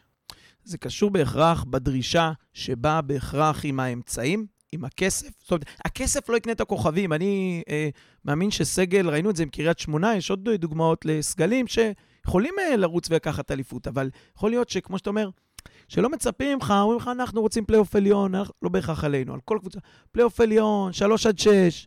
לעומת קבוצות ששמים שם בוחטה, אז הן יודעות שאם זה לא אליפות, כולכם עפים הביתה. נכון, אני חושב ש... אבל בכללי, כאילו, הכסף הזה גם יכול להיות מושקע בגילאי נוער, ב... בעבודה עליהם, ב... בחדר כושר, שהם, להם, ל... שהם יגיעו לקבוצה הבוגרת הרבה הרבה יותר מוכנים. אני... נגיד, כאילו, מכבי פתח תקווה, אתה רואה, אתה רואה שה... שהשחקנים הצעירים שם מגיעים מוכנים. הם מבינים בדיוק, כאילו, כל, כל שנה הם מייצרים שתיים, שלושה שחקנים שהם שחקנים של הרכב נבחרת צעירה, ובוגרת. אבל מה כאילו... הם עושים עם זה? הם דורשים שהם מגיעים לבוג... בוא נגיד ככה, במכבי פתח תקווה אין את הלחץ מהקהל כמו שיש במכבי לא, נתניה. אני מדבר רק על נערים. סבבה, אני אומר, אנחנו יודעים לייצר הצעירים... את זה גם קדימה? אני מאמין ש... שאיך שאני רואה שהמועדון עובד ומתנהל, כאילו, מה שאני פה, אני חושב שבאמת השדרוג משנה לשנה הוא כל הזמן יותר גדול. אני רואה את ההשקעה בחבר'ה הצעירים, שהיא, שהיא כל הזמן עולה, ו... והציוד שנקנה, אני, רק השנה קנו ציוד במאות אלפי שקלים אה, אה, לחדר כושר, אז אני רואה באמת שכשהמחשבה היא שם, היא להשקיע בדור הצעיר, ו... ואני כמעט בטוח שברגע שאתה משקיע, אז, אז השחקנים הצעירים שיעלו מהנוער לבוגרים, ואנחנו לא מכבי פתח תקווה, אנחנו לא קבוצה ש... ש... ש... שאין קהל. שהתפקיד שלו הוא בעצם רק לייצר שחקנים, בוא נגיד נכון, ככה, מבחינת נכון. מכבי פתח תקווה. אנחנו, אנחנו, אבל בנתניה, תמיד נהיה מועדון המקפצה? אני חושב שנגיד, בוא נגיד ככה, שאם אני, אני מסתכל על עצמי אחרי הקריירה, אז החלום שלי זה ליצור במכבי נתניה קבוצה כזאת, שהיא תהיה קבוצה סגנון של, של דורטמון, לייפציג, שיכולה להתחרות על תארים. לסטר של השנים האחרונות. לסטר, וגם למכור שחקנים, שזה לא מתנגש אחד עם השני. שמרוב שיש לך סגל כל כך רחב וכל כך הרבה אופציות, אז אתה יכול למכור שתיים, שלושה שחקנים, ובקנה יש לך עוד שתיים, שלושה שחקנים. זה לא משהו שיעשה את ההבדל. מה חסר? איך עושים את הקפיצה הזאת? כי עכשיו אנחנו לא דורטמון, אנחנו גלדבך נכון. כזה אולי. כל הזמן, כל הזמן מביאים שחקנים, כל הזמן. יש אופציה להביא שחקן איכותי בגיל 21-22, אתה מביא אותו. אפילו שיש לך על העמדה הזאת חמישה שחקנים. ואז איך האבולוציה, איך זה? כי את גבי הבאנו, שמו חבילה, הביאו אותו מעכו, באמת ייאמר לזכות אה, אה, מי שעשה את זה, רואים, והוא נתן לנו את השנים שלו, אבל הרווחת מה שהרווחת בשלוש שנים, והוא עובר למדרגה הבאה. הוא לא יישאר פה. איך אנחנו מרחיבים אני, את המדרגה? איך שאני... הוא נשאר אצלנו נכון. כדי להביא אליפות? אני חושב שכאילו, דבר ראשון, כאילו נהנינו מגבי שנה שעברה. כן, לא, זה הדוגמה, אני מדבר בכלל על שחקן כזה. אני חושב שבכללי, ברגע שיש לך עוד להביא, כל הקטע הוא להביא עוד שתיים, שלוש כמו גבי. ולא רק גבי אחד. כמות. ככה כן הכמות, שיהיה לך מבחר של גבי. כמו שאתה אומר לי, סטנמר, על uh, סגנון ברקוביץ', אז שלא יהיה לך ברקוביץ' אחד, שיהיה לך שבעה ברקוביץ'. אז ככה שאם אחד הולך, אז לא נורא. האחד שאחריו שמחכה, הוא כבר יעלה. כמו שמנור הלך, אה, אה, עבדה הגיע. אז זה לא כזה אבדה שמנור הלך. כשעבדה הלך, אין מי שיחליף את עבדה. אז זה אבדה מאוד גדולה, אז זה הבעיה. אתה אומר של, שלא יהיה מצב של מחלקת נוער שמייצרת איזה יהלום פעם בשנה או פעם בשנתיים, אלא מפ, במרכאות מפעל, מפעל. אבל שכל הזמן... גם מפעל סקאוטינג שהוא מביא לך שחקנים מהארץ. כן, לא? מבחוץ או מפ... כן. גם מהארץ, גם מליגה לאומית, גם מליגה א'. נכון, גם תכלס זרים דורטמונד, של אה, זה. דורטמונד זה לא שחקנים שהיא מגדלת, היא מוצאת נכון, אותם. היא בדיוק. מביאה. היא, היא קנתה, נגיד, היא עשתה עסקה, נראה לי, מדהימה. היא הביאה את שולץ מגלדבך, את, אה, שולץ מאופנהיים, את אה, טולגן עזר מ- מגלדבך, והיא ג'וד עשתה... בילינגהם. נכון. מ- מיני- את- אתה מבין, כאילו, זה לא מהם-. אולי גודל, פולסיץ' גדל מהם, אבל הם הביאו שמונה, תשע ממקומות אחרים. אז אני חושב לדעת לשים את היד על השחקנים הצעירים האלה, שבאמת, יחסית ה- ה- ה- הפוטנציאל שלהם גדול, ו- והעלות שלהם קטנה ברגע הזה, ולתת להם פה את כל המרכיבים שלא נותנים בקבוצות אחרות. לתת כן. להם פה את, את ה... היום, היום הדיבור על מכבי נתניה מתחיל להיות כזה בקרב, נקרא לזה, השכבה הזאת של השחקנים הצעירים נכון. בארץ? כן, אני חושב שכאילו, באמת, שאני שומע איך מדברים עלינו, ש, שרוב השחקנים הצעירים רוצים להיות פה, כי בסופו של דבר, אצלנו, למעט מכבי תל אביב ומכבי חיפה, יש לך, אם יש לך ארוחות, יש לך סאונה, יש לך ג'קוזי, יש לך טיפולים, יש לך שלושה, שלושה פיזיותרפיסטים כל אימון, יש לך שתי עוזרי מאמנים, יש לך, באמת, כאילו, יש לנו הכל במועדון, אתה מבין? וזה לא בכל מועדון ככה. לא בכל מועדון חושבים על השחקנים ונותנים להם את כל, ה, את כל מה שהם צריכים להצליח. אני אשאל אותך שאלה קצת ארוכה. רגע, רגע, רגע, אה. נראה לי הפינה של הסיפורי שכונה. אם אנחנו כבר עושים השוואה בין אה, זה לזה, אז מעניין אותי מה היה במכבי נתניה לפני שאלמוג יצא לחו"ל. שחוט צמיגים, הוא אמר לך. האמת, אה, יאמר לזכות יאמר, ש... ש... שהוא היה פה, הוא גם השקיע מאוד. בקטע הזה, אבל עדיין, לא היה פה ארוחות, לא היה פה סאונה, לא היה פה ג'קוזי, ולא היה פה שלושה אנשי צוות, אה, שלושה אנשי אה, פיזיותרפיה. אה, היה עוזר מאמן אחד, לא היה שתי עוזרי מאמנים. אז אני חושב שה... שהמחשבה מבחינה מקצוענות היא 4-5 דרגות מעל מה שהיה פה, ושאני מדבר על שהייתה פה השקעה אדירה עם מתאוס. אמ, רציתי לשאול, אנחנו מדברים על הדבר הזה, ובאמת זה הדבר שלדעתי חשוב לאוהדים. יש הרבה דיבור, אנחנו רואים מביתר תל אביב, את ה... מכבי תל אביב, את הקבוצת בת שלהם ביתר תל אביב, נדמה לי שחיפה גם סגרה עם... לא סגרו, עכו אולי, איזושהי קבוצה בלאומית. יש סיכוי שנתניה תצליח למצוא לעצמה, כל עוד לא יהיו פה ליגות מילואים, נתניה תצליח למצוא לעצמה איזה קבוצת בת, אנחנו מספיק גדולים בשביל זה? אני חושב שאם אתה, אתה שואל אותי לעשות את הקפיצה במדרגה הזאת ולהיות מפעל, אז בסופו של דבר חייב להחזיק... זה זה. זה זה, כי בסופו של דבר אני חושב ש... כמו שאתה אומר לי, זה גם יצטרך להיות עם הזרים. את תצטרך להביא לפה 10-12 זרים שהם בני 18-19, שהם יקבלו את אותם תנאים מכבי נתניה בקבוצה בת הזאת, והם יוכלו לקפוץ אלינו, כדי שאם תמכור שחקן, תדע שיש לך אחד כזה כבר שם שמחכה לך. כי העניין הוא גם עם הכמויות, כשאתה רוצה שבעה ברקוביצ'ים, אתה לא יכול להושיב את כל השבעה, אה, אתה יודע, שניים נכון, בספסל וחמישה ביציע. אתה כאילו, צריך את הקבוצת בת. כאילו, כמו שאתה אומר לי, אז, אז גם יהיה לך את הקבוצת בת וגם יהיה לך שחקנים שבגילאים יש ביניהם הפרשים. שהפוטנציאל שלהם הוא מאוד גדול, אבל ההפרש ביניהם הוא שנה-שנתיים, שכאילו, שאחד הוא... יש מעמדות ביניהם. שיש להם פוטנציאל מאוד מאוד גדול, אבל אחד שהוא יודע שהוא יכול לשחק 30 דקות, 40 דקות, ואם הוא יהיה טוב הוא יפתח בהרכב, ואחד שהוא יודע שהוא יחסית, כאילו, הוא השחקן הרכב. ואני חושב בסופו של דבר, כמו שאמרתי על חדר הלבשה, החדר הלבשה שלנו מאוד בריא, כי כל אחד מבין שכל אחד יכול לשחק. מי שטוב ישחק. וזה ייאמר לזכות ריימונד, שאין אצלו שמות. מי שטוב משחק אצלו. אני רוצה לחזור רגע לעניין המנטלי. דיברת על זה ודיברנו על צעירים, הרבה צעירים לא מוכנים בהכרח מנטלית או לא יודעים איך להתמודד עם סיטואציות. בוא תספר לנו איך אתה, בתור, לא יודע, שחקן בכיר, קודם כל איך אתה מתכונן למשחק, איך אתה מתכונן לעונה, או איך אתה מראה את זה, איך, איך, אתה, איך מטמיעים את זה גם לשחקנים הצעירים בחדר הלבשה. תשמע, כמו שאמרת לי, אני חושב שבכללי מנ... מנטליות ואופי, זה משהו שברוך השם, זה אחת התכונות החזקות שקיבלתי גם מבורא עולם, כי כמו שאמרת לי, יש שחקנים שיש להם כישרון מאוד גדול לכדור, אז אני חושב שחוסן מנטלי זה מה שקיבלתי, זה, זה, זה הדבר הכי חזק שהיה לי. אז אה, אני חייב להגיד שמגיל 13 בערך אני עובד עם דן ולנסי, ועד גיל, עד היום אני עובד איתו ו, ו, ומדבר איתו, אז ככה שזה משהו שהוא... שהייתה תכונה מאוד חזקה אצלי, וחיזקתי אותה עוד יותר. כאילו, עבדתי עליה עוד יותר. כאילו, בוא נגיד שאם היה לי, אני לוקח את זה למשהו מקצועי, אם היה לי בעיטה מאוד חזקה, עבדתי על הבעיטה עוד יותר חזקה. שהיא תהיה באמת ברמה מאוד מאוד גבוהה, כי בסופו של דבר, אני חושב שהגרמנים הם, הם המפלצות של החוסן מנטלי. אז, אה, אז היה לי גם את המורים הכי טובים מבחינת זה. ו... מרגישים את זה שם? כאילו, זה גם, זה, זה מישהו חיצוני, זה בתוך הקבוצה, איך זה עובד? זה איך שמגדלים אותם. זה ה... כאילו, אתה מרגיש את זה באימונים. שאם נגיד אומרים, אומרים משהו לעשות, אז הם עושים, לא צריך להגיד פעמיים. ואם נכשלת, אז אתה תקום חזרה ותעשה את זה עוד פעם. אני אומר לך שכאילו, כשהייתי מגיע, נגיד, בשלוש שנים הראשונות שלי בגרמניה, אז אתה יודע, לפעמים שלא הייתי משחק, הייתי בא לאימון יום ראשון, והייתי קצת, אתה יודע, מוריד טיפה את הראש. והייתי, זה היה משגע אותי שהייתי רואה שחקנים, נגיד, שהם, שהם כוכבים כאילו, אתה יודע, מרוויחים מלא כסף והכול, והם באים לאימון אחרי שלא שיחקו דקה ולא היו בסגל, ואני שיחקתי רבע שעה ואני מתוסכל, והם, לא מזיז להם. כאילו, באמת, כמו מכונה. הם לחצו להפעיל את המכונה, המכונה מגיעה לאימון, נגמר הסיפור. ועובדים ומפוצצים, ובאמת. ואני חושב שרק בקדנציה השנייה שלי, שחזרתי מהפועל תל אביב לגרמניה, באמת נה- נהפכתי להיות כזה. באמת נהפכתי להיות... שמה עשה את זה? ש... סוויץ' בראש כאילו? מה שאמרת על החדר הלבשה. אתה מגיע למקום שכולם כאלה, ואתה מבין לא, שזה הדרך... אה, לא, שם אבל, אבל. אני אומר כאילו שלפני שהייתי, כאילו, שגם הייתי, כאילו, גם החדר בשעה כזה, ואני הייתי מוריד פשוט את הרגל מהגז, כי... כאילו, הייתי, אתה יודע, כזה סוג של... כאילו, אמוציונלי, כן, כאילו זה הייתי, מבאס. הייתי מתאכזב, בקיצור, כן, שלא שיחקתי.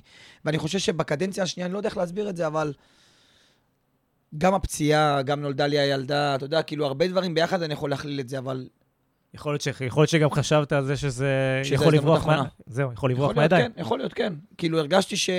שהורדתי קצת את הרגל מהגז, פתאום הדברים שבאו לי בקלות כבר לא באו בקלות. אז אמרתי לעצמי, טוב, אני הפעם הזאת, אני... כאילו, אמרתי לעצמי בתוך הראש, אני נהיה גרמני יותר מהגרמנים. כשאני אכנס לחדר כושר, כולם שם יסתכלו עליי ויגידו, וואו, איך הוא עובד. שהם יבואו לאימון יום ראשון, כמו שאני אמרתי עליהם, הם יגידו, וואו, תראה את אלמוג איך הוא עובד. וזה מה שנהפכתי להיות, כאילו, אני זוכר שכל הזמן הספורט דירקטור היה אומר לשחקנים הצעירים, אלמוג זה פורבילד, כאילו, הוא השחקן שצריך להסתכל עליו. תסתכל. איך בדיוק. להתאמן, איך לעבוד, איך להתנהל. כאילו באמת, כאילו זה, באמת זה הגיע למצב כזה שבשנים האחרונות שלי בגרמניה, השחקנים הצעירים היו נכנסים לחדר כושר, הם מסתכלים על איך אני מתאמן. איך אני מרים את המשקולות, איך אני עובד, איך אני בועט, איך אני נשאר אחרי אימונים.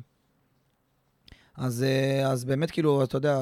תשמע, וזה- אומרים, אומרים הרבה על שחקנים, בוא נגיד על, ה... על הטובים ביותר אפילו, סבבה? ברמה של, נגיד אפילו רונלדו, או, אה, אתה יודע, הגרסה הישראלית זה אבי לצורך העניין. נכון. תמיד מדברים על לעבוד, לעבוד, לעבוד, לעבוד, לעבוד. שום דבר כאילו לא בא בקלות. תשמע, אני, אני, אני, אני, אני האמנתי לא רק בלעבוד, אני האמנתי בקבוצתיות, באנרגיה טובה, באנרגיה של אם אתה לא משחק, תרצה שהקבוצה תצליח. כי כשזה יסתובב אליך, אתה, אתה, אתה תהיה במקום שאתה רוצה להיות. וכל הזמן שדיברת על זה בנבחרת, אז זה היה קל, כי הייתי משחק קבוע בהרכב. ופתאום כשנפצעתי אצל הרצוג וקצת פחות שיחקתי, אז פתאום כולם ראו את זה והבינו, בואנה, וואלכ, הוא לא רק דיבר. הוא הראשון שבא, הוא הראשון שעודד, אני הראשון שהלכתי וחיבקתי את השחקנים. אני הראשון שהייתי, אם צריך להיות מעודדת, הייתי המעודדת, הייתי מביא להם את המים, הייתי עושה הכל. גם שלא שיחקתי. אז הייתה לי, ברוך השם, ההזדמנות להראות להם שגם שאני לא משחק את האופי הזה שדיברתי עליו, לא רק ששיחקתי. וזו הייתה תקופה מסוימת שבאתי מגרמניה ולא שיחקתי, ושחקנים כאילו שיחקו, ובכל זאת אני הראשון שבאתי והראשון שהייתי מתאמן, והייתי מתאמן, פוצץ באימונים שאחרי המשחקים. והיו כמה שחקנים שעשו פוזות, והיו כמה שחקנים שקצת הורידו מהרגל מהגז, וסוג של... אה, נתתי להם בראש על זה. אה, כן, אני יכול להגיד לך שאפילו מהיציע לא הבנו למה לא שיחקת באותה תקופה. אה, אבל זה משהו שאנחנו מצליחים גם, או שאתה תצליח להביא גם למכבי נתניה? כרגע זה שם, זה מה שאני אומר. כרגע אני באמת מרגיש שזה שאנחנו שם, שאנחנו במקום של שחקנים לא מורידים את הרגל מהגז, שחקנים שלא משחקים. אני יכול להגיד לך על שיר צדק, שאני, שאני, שדיברתי איתו בבאר שבע, הוא, שהוא לא שיחק, זה היה, זה היה מערער אותו. פתאום אני רואה אותו מתאמן אחרי שהוא לא משחק, הוא לא שיחק שתי משחקים אחרונים, והבן אדם מתאמן כמו אריה. מפוצץ, ו, ודוחף את השחקנים שלא מתאמנים. מבחינתי, כאילו, אני רואה את זה בסוג של הערצה. אני נהנה לראות כאלה שחקנים, גם כשאני רואה שחקנים צעירים. כאילו, שעושים את זה, אני באמת, אני, אני, אני נהיה כאילו סוג של, סוג של מעריץ שלהם. כל יום אני לומד מבחינתי, אין יום שאני לא לומד בו. אז כשאני רואה שחקן צעיר שכביכול מגיע לו לשחק, או שאפילו טוב באימונים, והוא לא מוריד את הרגל מהגז, הוא מפציץ, עידו וייר כזה, ואם הוא יוריד את הרגל מהגז, אתה תיתן לו בראש? זה התפקיד שלך? אני אעיר לו. כי אני, אני, אני, אני על דברים כאלה לא יכול בשבילו. לשתוק. נכון, אני על דברים כאלה... בשבילו, לא בשביל כאילו אם הקבוצה. אמרת לי על דברים שאני לא יכול לשתוק, אלה דברים שאני לא יכול לשתוק בהם. כאילו אלה דברים שפתאום האלמוג הנחמד, שהוא, שהוא תמיד מחבק ותמיד רוצה את הטוב, אני פתאום יכול גם להתהפך על שחקן ואני יכול באמת לצרוח עליו. שאם פתאום יוריד את הרגל מהגז באימון, או אם פתאום הוא לא יעקוף את הקונוס, או אם פתאום, כאילו בדברים הקטנים, כאילו יוותר לעצמו. לעגל פינות. כאילו, אני לא עושה את זה בשבילי, אני עושה את זה בשבילו. אני רוצה שהוא יצליח, אני רוצה שהוא יגשים את עצמו, אני רוצה שהוא יגיע למקומות הכי גדולים. ואם עכשיו הוא מוריד את הרגל מהגז, אז אתה יודע, זה בדיוק כמו שאני אומר, בדקה 90, אז פתאום הכדור לא ילך לחיבור, הוא ילך טיפה אחרי. וזה, לא יודע, אני מרגיש סוג של קרמה, כי ברגע שאתה נותן הכל, אז גם הכדור ייכנס. יש לי עוד רגע נקודה, נקודה מנטלית, שאלתי אותך כי, אתה יודע, העונה שחזרת, לצורך העניין, זו עונה שהייתה עם ציפיות נורא גבוהות ממכבי נתניה. קבוצה מאוד בינונית, אם אתה שואל אותי. שבסופו של דבר לא הצליחה להגשים את עצמה. כן. אה, ולך בצורה אישית אה, הייתה עונה, קצת מצחיק להגיד את זה, כן? מצוינת, נכון, סטטיסטית, נכון. שנסגרת ממש גרוע. נכון. עכשיו, כי בסופו של דבר, כאילו, בוא נגיד, כאילו, אתה אוהד, אתה באת למשחק ואתה רואה אותי במשחק ואתה אומר, בואנה, אלמוג נראה טוב, הוא נראה מדהים, אבל בסופו של דבר אני אקבל אדום. לא, עזוב, אני יושב בכלל, אני רואה מספרים, סבבה? כן. אני אחרי זה אומר, בואנה, הוא הבן אדם טופ שלוש בארץ נכון. באיזה, טופ שלוש בחילוצים, טופ שלוש בתפקיד שלו, אבל לא מצליח להביא, אנחנו בישראל. בדיוק.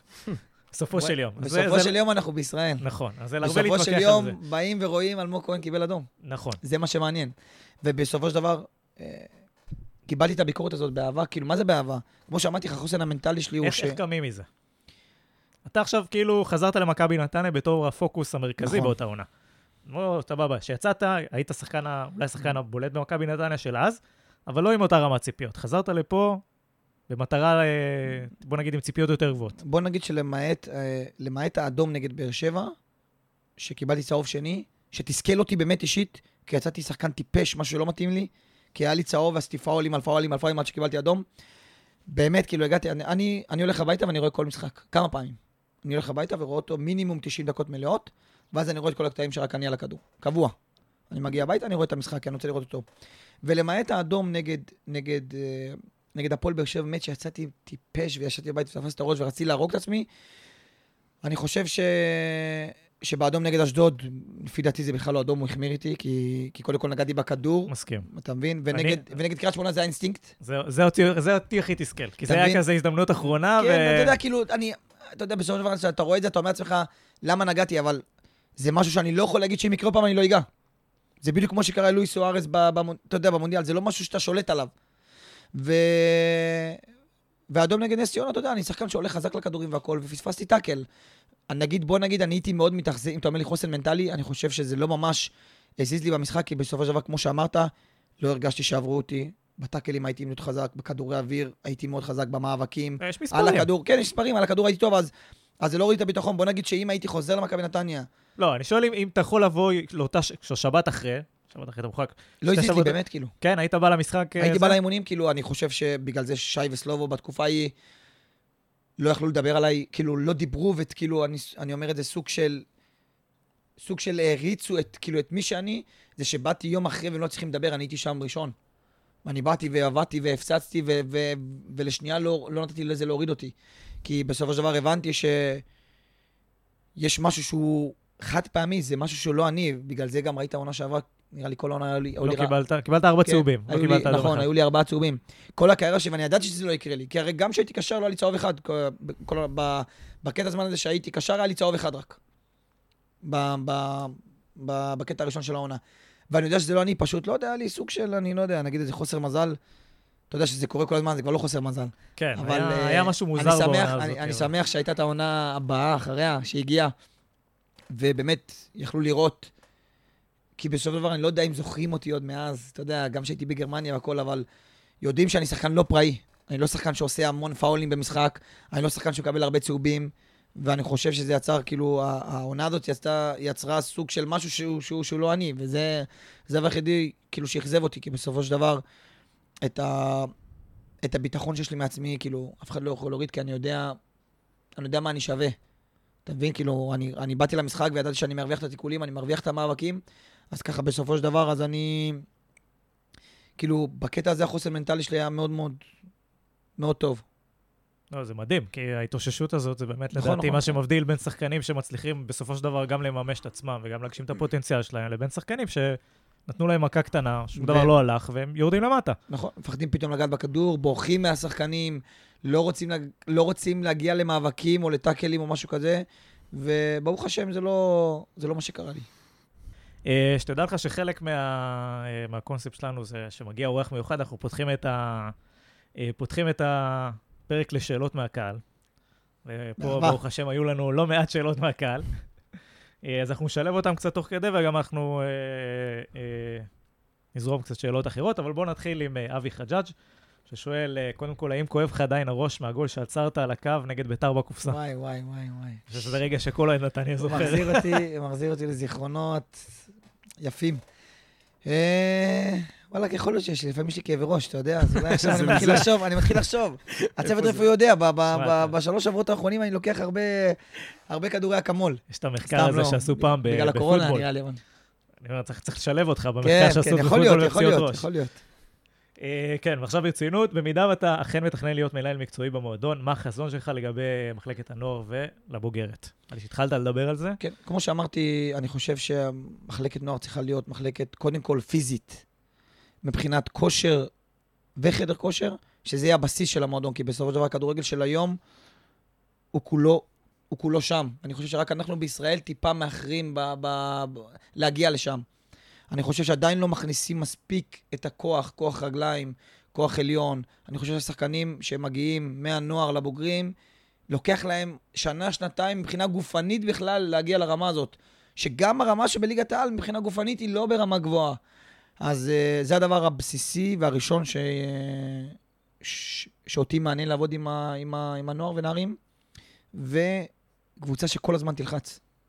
היה לי מאמן רלף אסינוטל, שעכשיו הוא מאמן את אה, סאוטהמפטון, הוא היה בלייפציג, עכשיו הוא בסאוטהמפטון, שהוא באמת, הוא גאון בלחץ, והוא גרם לנו להאמין בעונה הזאת באינגולשטיין, שהיינו בליגה, כאילו בבונדסליגה, שבאנו ולחצנו כל קבוצה, לא משנה איזה קבוצה זאת הייתה, אם זה היה בארן מינכן, אם זה היה דורטמונד, בכל מגרש לחצנו, ואני חושב ש, שלחץ זה משהו שקהל מאוד מתחבר אליו, זה משהו שמביא את המשחק לקצב מאוד גבוה, זה משהו ש, ש, שאני גם בתור אוהד וגם בתור מישהו שהוא, שהוא במועדון נרצה לראות כל הזמן, לא לחץ שהוא פחדני, לחץ שהוא, שהוא כאילו לעשות לחץ, אבל אתה יודע, כאילו לחץ גם... מחויב, לא לחץ ל- ל- בשביל הנראות. נכון, לא לחץ בשביל להגיד, לחצתי. לחץ בשביל באמת להרוויח את הכדור. באמת שכל, מהבלם עד החלוץ, כולם רוצים להרוויח את הכדור. וזה משהו שאני, שאני מאוד רוצה לעבוד עליו, על הקטע הגופני, על החוסן, על הקטע הגופני מבחינת כושר, על החוסן הגופני ועל הלחץ. מגניב. אה, אליהו איתון שואל, זה גם אולי מתקשר לעניין הקפטן, ובוא תגיד לנו, אתה יודע, אלמוג הצעיר לעומת אה, אלמוג הבוגר. אה, הוא אומר יותר בקשה, אתה חייב להראות יותר נוכחות, לרוץ לשופט על כל הכשלה. איך זה, איך זה מרגיש מתוך, ה, מתוך המשחק עצמו? לעודד כשחוטפים גול, נכון שאתה עושה את זה, אבל הוא אומר, כן, חושב שצריך לעשות את זה יותר. אני לא מאמין בלרוץ, סליחה, אני לא מאמין בלרוץ לשופט אחרי כל פאול, או, או, או בליצור לחץ כזה, זה משהו שהוא, לפי דעתי, קורה רק מדי פעם, רק בישראל. נגיד, אני לא רואה קפטנים בעולם רצים לשופט בגרמניה, איפה שאני הייתי, לא ראיתי אף פעם שקפטן רץ לשופט על כל החלטה או על כל משהו כזה. אני חושב שאלה דברים דווקא שאני חושב עליהם בתוך תוכי, זה משהו שהוא דווקא מק- מקטין מועדון. או כאילו אם מועדון צריך ללכת לשופט שיתבחן כדי שייתן לו משהו, אבוקסיס עשה על זה תארים. נכון, כן, אז אתה מבין, זה, זה אצלנו כאילו בארץ, שכאילו המאמנים אוהבים להתבחן לשופט. כאילו על דברים, ואוהבים להתבחן על דברים. אני לא מאמין, אני לא מאמין בלהתבחן, אני מאמין בלבוא למגרש ולעודד אחרי שערים, ברור. אני חושב ששפת גוף אחרי קבלת שערים, שפת גוף אחרי שאתה נותן שער, זה הבסיס להצלחה. זה משהו שמבחינתי, אני, אתה יודע, כאילו, אם אתה אומר לי, זה הדבר הכי חשוב בקבוצה. לריב לרוץ- אחרי גול. כן, לרוץ, לרוץ לשופט זה משהו שאני בכלל לא חושב עליו ולא מעניין אותי. אבל לרוץ שחקן שעשה טעות ולהרים אותו, זה מה שאני הראשון שיהיה. ולהרים את הקבוצה, או לדחוף יותר חזק, או להבין מהם הנקודות חולשה של הקבוצה היריבה ועליהם לנסות ללכת, זה משהו שאני מאוד מאמין. אתה אומר, אלמוג הצעיר היה עושה גליץ' על השופט. אלמוג הצעיר היה רב עם השופט, רב עם שחקנים, מנסה, מקבל צהובים על דברים שהם טיפשיים. אה, תומר חרוב שואל, מי השחקן הכי טוב ששיחקת איתו בנתניה? בנתניה. ואחרי זה בכלל. בכלל זה יחסית קל, כי אני, אני מאוד אוהב את אילקאי גונדגן. הוא משחק מנסיטי, שיחק כן, איתי. שיחק איתי בנירנברג. הוא, אני זוכר, מהשנייה הראשונה, מדהים, כאילו, באמת. והשחקן הכי טוב ששיחקתי איתו בנתניה, אתה יודע, בגלל שברק לא עלה לבוגרים, אז מישהו אחר. תשמע, אני הייתי שרוף על לואיס מרין, כן? הייתי מעריץ אותו. כן, הוא מבחינתי אישיות, איך שהוא היה מתאמן, באמת, כמו שאתה אומר, הייתי מסתכל עליו באמת בהערצה, הוא בא לפה בגיל מאוחר, שעשה כבר ארבע מונדיאלים. רואים עליו שהוא מקצוען. היה וואו, הוא היה. כאילו, אתה יודע, אתה מסתכל עליו, והרוגע והשקט, והוא לא היה מהיר ואף אחד לא יכול לעבור אותו על מהירות, זה משהו שהוא, שהוא גדולה. אז אני חושב באמת שלואיס מרין הוא, הוא בקטגוריה הזאת. איזה תש- איזה תשובה כיפית. ממש. אתה יודע, זה גם... אתה יודע, שחקנים זה גם נראה מבחוץ כזה שיש להם את זה. כן. דרך אגב, אה, הזכרת את המאמן שלך ב- אה, בנירנברג שאחרי זה היה ב- בסאוטהמפטון? באינגולשטאט, ב- סליחה, סאוטהמפטון, לייפציג, סאוטהמפטון, ראלף האזנהוטל. כן, אז, אז דיברנו על חוסן מנטלי, זה, זה נכון? הוא גם היה מאמן ב- שהם חטפו את השביעייה, ואחרי זה נכון. נתנו עונה אדירה, נכון, בדיוק. נכון? כאילו זה... הם קיבלו שביעייה, והם נתנו לו אחרי זה חוזה חמש שנים, ואמרתי לו, ואמרתי, אני זוכר שסימסתי לניב גולדשטיין, המנכ"ל, ואמרתי לו, תראה, הם קיבלו שביעייה, ואני מכיר אותו כל כך טוב, תראה איך הוא יקום מזה. הם קמו מזה מדהים, נכון. עונה אדירה. נכון. אה, למרות שהוא לוחץ לא כמו שהוא לחץ איתנו, כן? הוא קצת שינה את זה, נראה לי. נראה לי לא גם יודע. קצב אנגלית טיפה יותר כן, קשוח. יכול להיות, כן. אה, באחד המשחקים הראשונים שלך בקבוצה הבוגרת, אולי ראשון אפילו, נגד קריית שמונה, ראובן עטר הוציא אותך במחצית הראשונה, איך התמודדת עם זה? וואו, שאלה טובה, זה אבא שלי תמיד מזכיר לי. זה לא אבא שלי. אתה תשאל? הוא תמיד מזכיר לי את זה. דקה 28 ראובן הוציא אותי משחק חוץ נגד קריית שמונה. דם ולנסיה עשה שם עבודה מדהימה. הוא ישב עליי שלושה ימים ברציפות, והוא הרים אותי, וואו, אני, אני לא אשכח את זה בחיים. כי כשהחליף אותי באותו שנייה, אתה יודע, זה משהו שאתה יודע, בוא, אתה, אתה שחקן צעיר, מחליפים אותך דקה 28, ואני זוכר ישר אחרי המשחק דם ולנסיה התקשר אליי, ונתן בי תורה והרביץ לי ראשון, שני, שלישי, באתי באטרף, ואני חושב גם הייתה לי עונה אדירה בעונה הזאת. מה, מה, שתי כוכביות, מה הדברים שאומרים? הוא התחיל לדבר איתי על דברים מקצועיים, איפה שאני צריך להיות, איך אני צריך לשחק, איך אני מרים את עצמי, איך אני מודל לחיקוי עכשיו לאחרים, איך אני צריך להראות לכל הקבוצה שאותי לא מזיזים, אתה יש לך אופי, שאתה, כמו שאומר גרמני, סליחה, אתה גרמני, לא מצליחים להזיז אותך.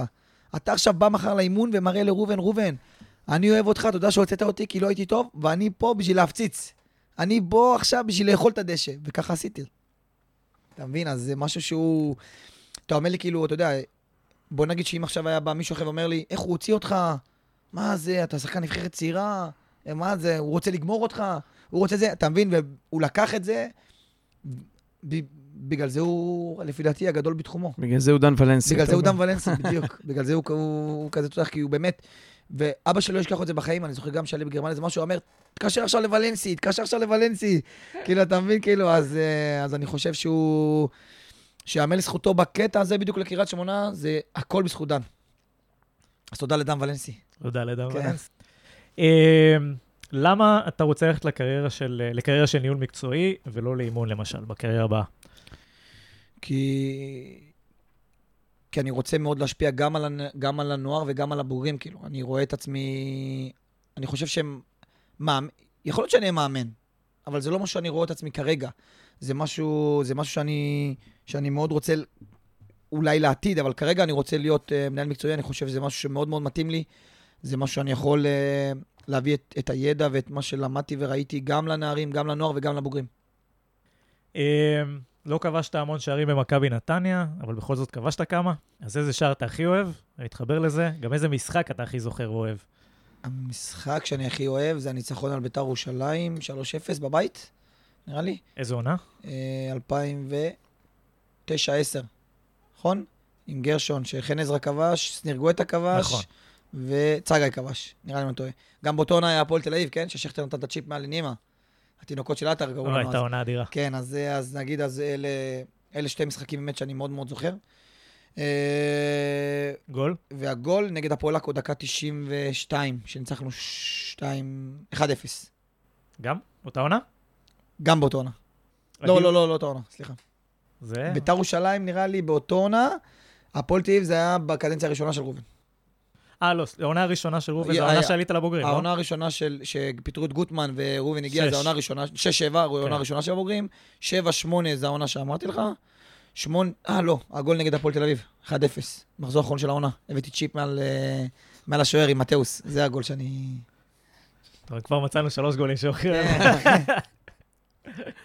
אה, עדי רוט שואל, לאן אתה חושב שהקבוצה מסוגלת להגיע השנה, והאם אה, מקום רביעי והגעה לאירופה זה שאיפה ריאלית?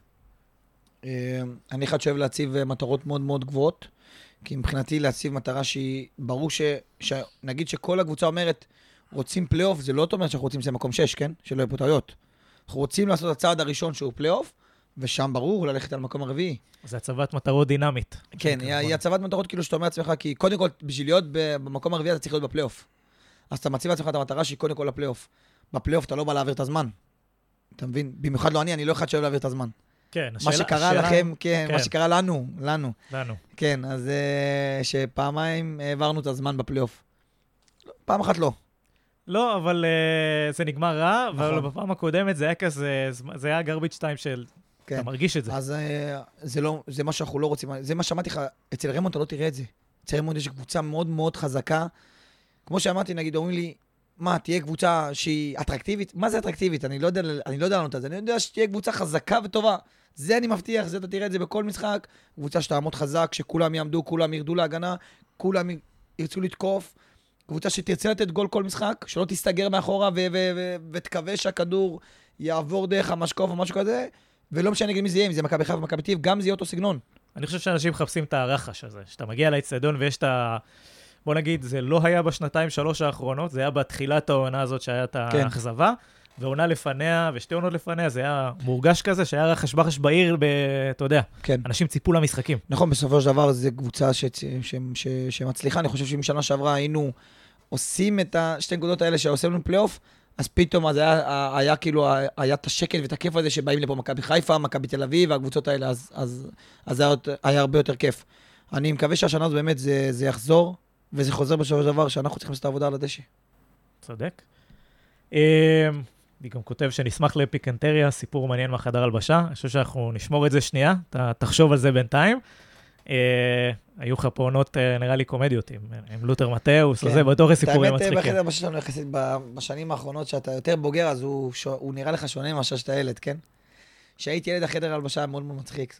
לא ידעתי אנגלית בכלל. עם מתאוס? עם מתאוס לא ידעתי בכלל אנגלית. אז איך הוא מסביר? אתה נראה לי שהוא היה, אתה יודע, לא, הוא הייתי לקח אותך בתור הייתי- פרויקט, הייתי לא? מדבר, כן, סוג של פרויקט. איך זה קרה?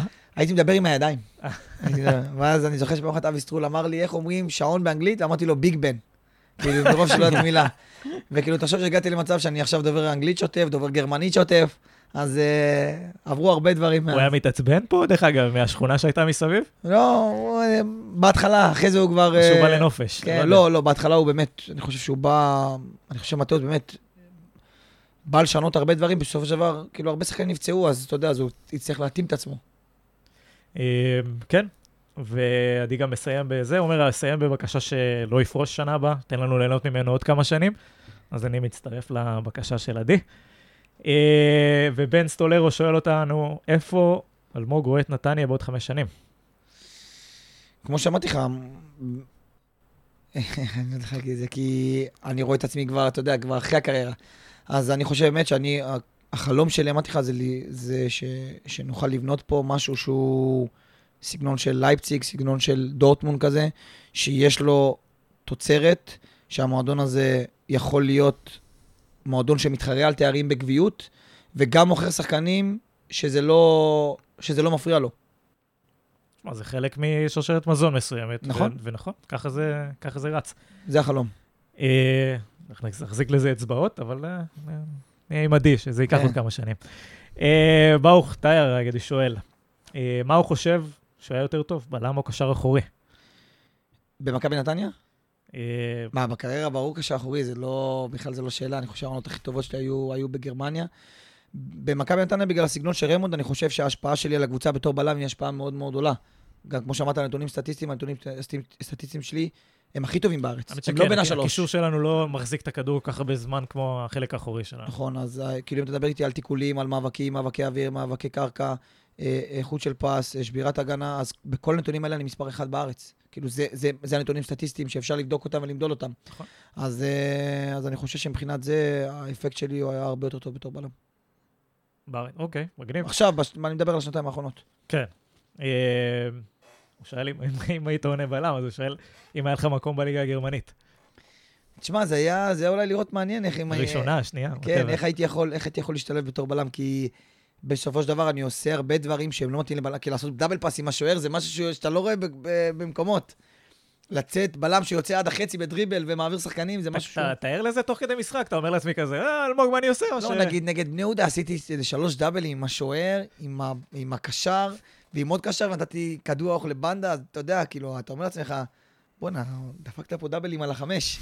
כאילו, אתה יודע, זה נראה כאילו, בגלל שבאתי מהאמצע, אז כאילו, אז כאילו, אני, אין לי את זה כמו שאומרים לבלמים, לא, לא לקחת את הכדור בחמש, החמש זה מקום קדוש, הוא מסוכן, אני לא מרגיש את זה. אני מבחינתי על החמש יכול לעצור כדור ולהעביר את החלוץ. כאילו, תשמע, זה... אני זה- יכול לעשות, כן. זה גם יכול- מתאים, אני אגיד לך מה, פעם התפיסה הייתה שכאילו, בלם- כדור מגיע לבלם, תעיף, תעיף. תעיף, נכון, תעיף. אז- זה כבר לא שם. לא, אז אני אחד שלא מעיף אף פעם. לפעמים זה, לפעמים זה גם מסבך, כן, אבל אני, אני לא אוהב להעיף. אבל זה גם יפה פתאום, שאתה רואה שיוצאים מלחץ, שכו- אתה יודע, בוא נגיד שאם עכשיו אני אוהד, ואני רואה שהקבוצה שלי, לוחצים אותה, והיא מתקתקת את היריב, אני אומר, וואו, איזה כיף לראות את זה. מאשר שהיא סתם תעיף כדור ארוך, ואולי... לא, גם כדור אוויר זה 50-50. כן, כדור ברגליים יקרה שלך סיכוי. יותר גדול. אתה מבין? אז זה משהו שאני חושב שאני... טוב. שכיף לראות. כל עוד יש כיסוי וחיפוי מאחורה, כן. אז כמובן. שי אברהם שואל, מה דעתך על שיתוף פעולה עם קבוצות בגרמניה, להעברה, שאלה הדדית של שחקנים, כמו... הלוואי, חלום, חלום, אני חושב ש, שנוכל... אני רציתי בשביל גבי חלום שהוא ילך לגרמניה, אני חושב שעכשיו, בגלל כל מה שקרה עם הקורונה, השוק הגרמני מאוד מאוד ישן. יש לך עדיין קשרים שם? כן, ברמה הזאת? עדיין. גם באוסטריה, גם בגרמניה. אבל אה, אני חושב שגם השוק האוסטרי, גם השוק הגרמני, אתה תראה, אין, אין העברות. גם כשניסיתי, אתה יודע, בשביל גבי לדבר וזה, אין, הם כמעט מה, לא קונים כסף? שחקנים. לא, כן, לא קונים כמעט. אתה תראה העברות הכי גדולות אולי 8 מיליון, 5 מיליון, כאילו, לקבוצות הגדולות. כן. הקבוצות הגדולות מחפשים אה, שחקנים חופשיים, וואלה, גם עד שהקורונה לא תתאושש. השוק הישראלי יקר נחשב? לא, לא אני, אני, אני לא יודע אם הוא יקר. הוא לא סקסי, השוק הישראלי. הרי לשלם על, על שחקן ישראלי מיליון וחצי יורו, מבחינתם זה המון. הם מעדיפים לשלם על שחקן אוסטרי מיליון וחצי יורו, או על שחקן שוויצרי מיליון וחצי יורו, או על שחקן שהוא... שהוא יותר באזור שלהם הזה, של אוסטריה, שווייץ, כי מה, כי זה בלגיה. פחות, פחות סיכוי לי- ליפול, המנטליות, המעבר, התרבות, נכון. גם האופי, מה שדיברת עליו על האימונים. נכון, כן, אני חושב שבסופו של דבר, אה, אה, מבחינתם, ישראל כאילו היא, היא לא באירופה. כשאתה מביא שחקן משם, לוקח לה זמן להתאקלמות והכל, והאוסטרים מדברים גרמנית, השוויצרים מדברים גרמנית, אז מבחינתם זה השוק היותר... אה, היותר זמין אה, להם, כן. כן. יותר זמין להם. אתה רואה גם שכל נבחרת אוסטריה זה מגרמניה, כל נבחרת אוסטריה זה מגרמניה, שווייץ מגרמניה, אוסטריה מגרמניה. אתה ראית אתמול ששחקנים מחליפים, כולם שם משחקים בונדסליגה, בונדסליגה שנייה. לא בהכרח שהם יותר טובים, כי הזמינות שלהם היא הרבה יותר קלה. השוק כאילו מכתיב את זה שהם נמצאים אה, במרחק של 30 קילומטר אני נסיעה. אתן לך איזה סקופ קטן. לפני שבועיים התקשר אליי ה sport director של אינגולשטאט בשביל לשאול אותי על אה, שון וייסמן. ודיברתי עם שון, אבל זה לא היה, זה לא היה רלוונטי מבחינתו, כי נראה לי הוא מעדיף להישאר שם. יש, כותרת. סחטיין ללשון. דרך אגב, אחלה גול אתמול. גול גדול. הוא השתפר בסיומת שלו ברמה... וואו, באמת, כאילו... אתה רואה גם שהוא עובד על זה כל הזמן, כל אתה יודע מה, הזמן, גם כל דיברנו הזמן. על אה, זה, הוא שחקן שלא מוותר. אתה נכון, רואה עליו, הוא נכון. רעב, הוא ינשך הוא גם צמיג. לוחץ, נכון, הוא גם לוחץ ברמה מאוד מאוד גבוהה, זה, זה משהו שתמיד היה לו. אבל הסיומת מול השאר הוא השתפר פלאים. כן, כן, כן. אז תשמע, אני שם את הסימות נכון. בצד, אבל אני אומר, את הרעב הזה ראינו גם פה, שהוא אה, שיחק נכון. במכבי נתניה. הייתה פה גם הרבה שערים יפים וטובים. כן, כן, כן, כן, כן, גם הייתה עונה אה, מגניבה. אה, אושר אורן שואל, איזה שינוי היית צריך אה, בשביל לקבל פחות כרטיסים אדומים?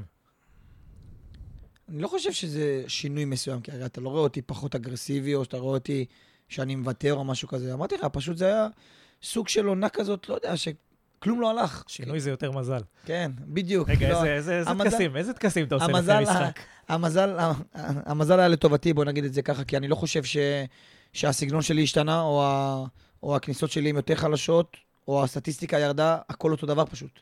פשוט אני לא מקבל את האדומים, ברוך השם. עכשיו אני איזה, נו. איזה טקסים יש לך לפני משחק? זה מסקרן. לא, אין לי, אין לי, אין לי? אין לי, לא, כלום, אין לי אמונות תפילות. כשהייתי צעיר היה לי. מה היית הייתי עושה? עולה ברגל ימין, קוש... אה, אתה יודע, דברים כאילו שהם, אתה יודע, שלא יודע, אם הייתי יורד לדשא, הייתי מנקה, הייתי כאילו עושה ככה עם הרגל, כבר אין לי, אין לי משהו שהוא... כשיש לך אמונה, אתה לא צריך אמונה תפלה. אני מאמין, אני אומר לברולם, תן לי רק לצאת מרים מהמשחק, ברוך השם, כל השאר זה בונוס. מגניב. אה, מן חסון שואל, בעונה הבאה, אה, אמרנו לא בעונה הבאה, תתמנה להיות מנהל מקצועי. דלג, דלג על השאלה, תפסול אותה. לא רוצים לשמוע את התשובה. עוד כמה שנים, תתמנה להיות מנהל מקצועי. אה, מה הערך המוסף שאתה מביא איתך למכבי נתניה? אני אגיד- את זה ככה, להגיד לכם שאני לא חושב על פרישה, אני אשקר. כדורגל זה דבר מאוד מאוד דינמי, אבל צריך לקרות כמה דברים מאוד מסוימים בשביל שאני אמשיך עוד עונה. אני באמת חושב, כאילו, אתה יודע, זה משהו שאני, לפרוש, זה מה שעובר לי בראש, זה התכנון שלי. אתה נהנה להגיד- לבוא לעבודה היום? כן, אני נהנה, אני חושב, אני חושב שאני, שאני נהנה לשחק. אני, אני נהנה מהמשחק. כיף לי לשחק. בסופו של דבר אני איש של מטרות. ואם אני מרגיש שאני לא יכול להשיג את המטרות שלי, אני לא אהיה שחקן שישחק על... רק בשביל לשחק. אני חושב שפה יש קורולציה, לצורך העניין, למה שהאוהדים רוצים, למה שאתה, למה שאתה רוצה. נכון. השאלה איך מייצרים את זה במציאות הנוכחית. אז אני חושב שגם, ש, שגם כאילו, אחרי הקריירה אני אוכל לעבוד הרבה יותר קשה בשביל להביא את המטרה שכולנו רוצים, שזה יהיה פה תואר. בטוח, אבל לא יודע, אני, אם אני מסתכל על זה מהצד, אני... מבחינה, אני לא, מבחינה חושב- פיזית אני לא... רגע. לא, לא פיזית, אתה לא קרוב בכלל בכ- לפרישה. נכון, זה ואתה לא משהו. שהוא... אתה יודע, השיקול זה. לא קשור לפיזית בכלל. כן, אני- שים את זה בצד, כי מבחינת כושר, מבחינת. הכל אני מרגיש שאני... בסוף אני גם לא... אתה יודע, זה, השאלה הזאת של הגיל זה ויכוח ישן, ישן נכון. ולא רלוונטי. היום אתה יודע לשמור על עצמך, אתה יודע לשחק, אתה נכון. יודע, יש לך נתונים, אתה רואה, אתה טוב או לא טוב, זה, זה הכל. עכשיו, אני רואה את זה מהצד, כן, אני לא יודע מה השיקולים שלך לעצמך. השאלה שאני שואל את עצמי זה אם אלמוג אה, אם נתניה עם אלמוג טובה יותר, מאשר עם נתניה בלי אלמוג. והש... והתשובה היא חד משמעית, לצורך נכון. העניין, במקרה הזה. בגלל זה אני לא חושב שזה עדיין אה, זה, אבל לכל אחד את השיקולים שלו כמובן. לכל אחד יש מחליף, בוא נגיד את זה ככה, אבל... תמצא לנו את אלמוג בטוח, הבא לפני שאתה... בטוח, אה, בטוח נמצא מחליף שהוא, שהוא לא פחות טוב, אם לא יותר טוב.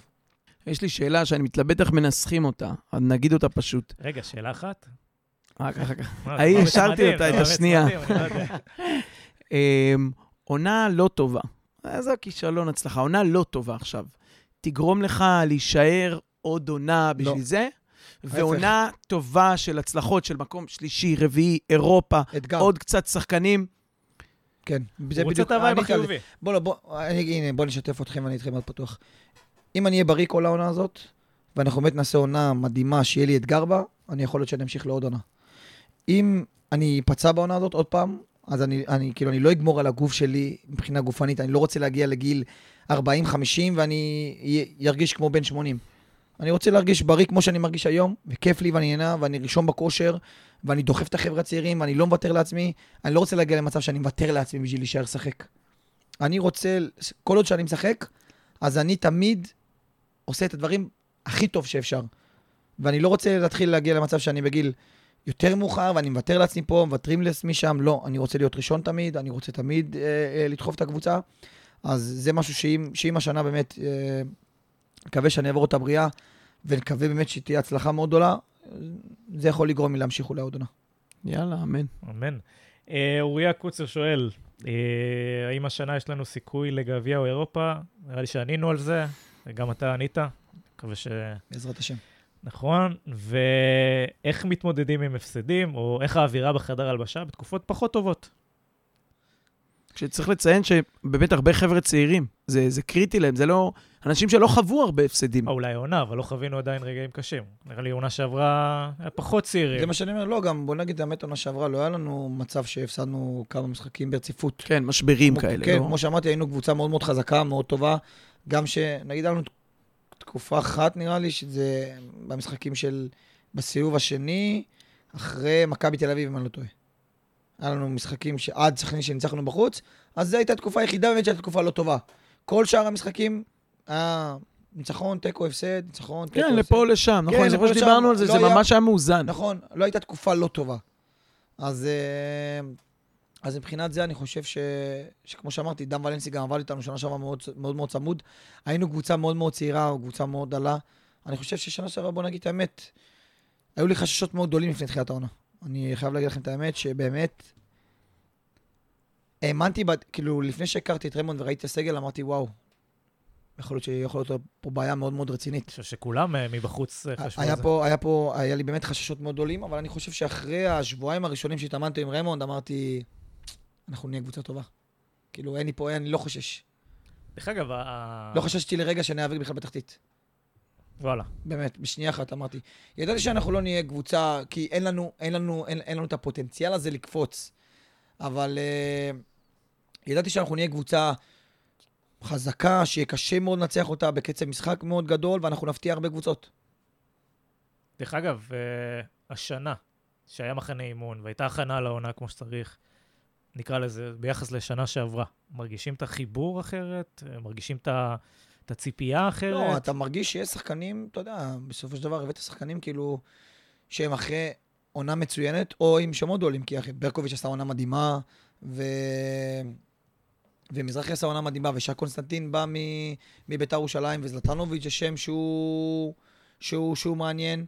אז אני חושב ש, שיש לנו קבוצה שאתה מרגיש בתוך תוכה, אתה מרגיש איכות של קבוצה, כי אתה רואה את זה באימון.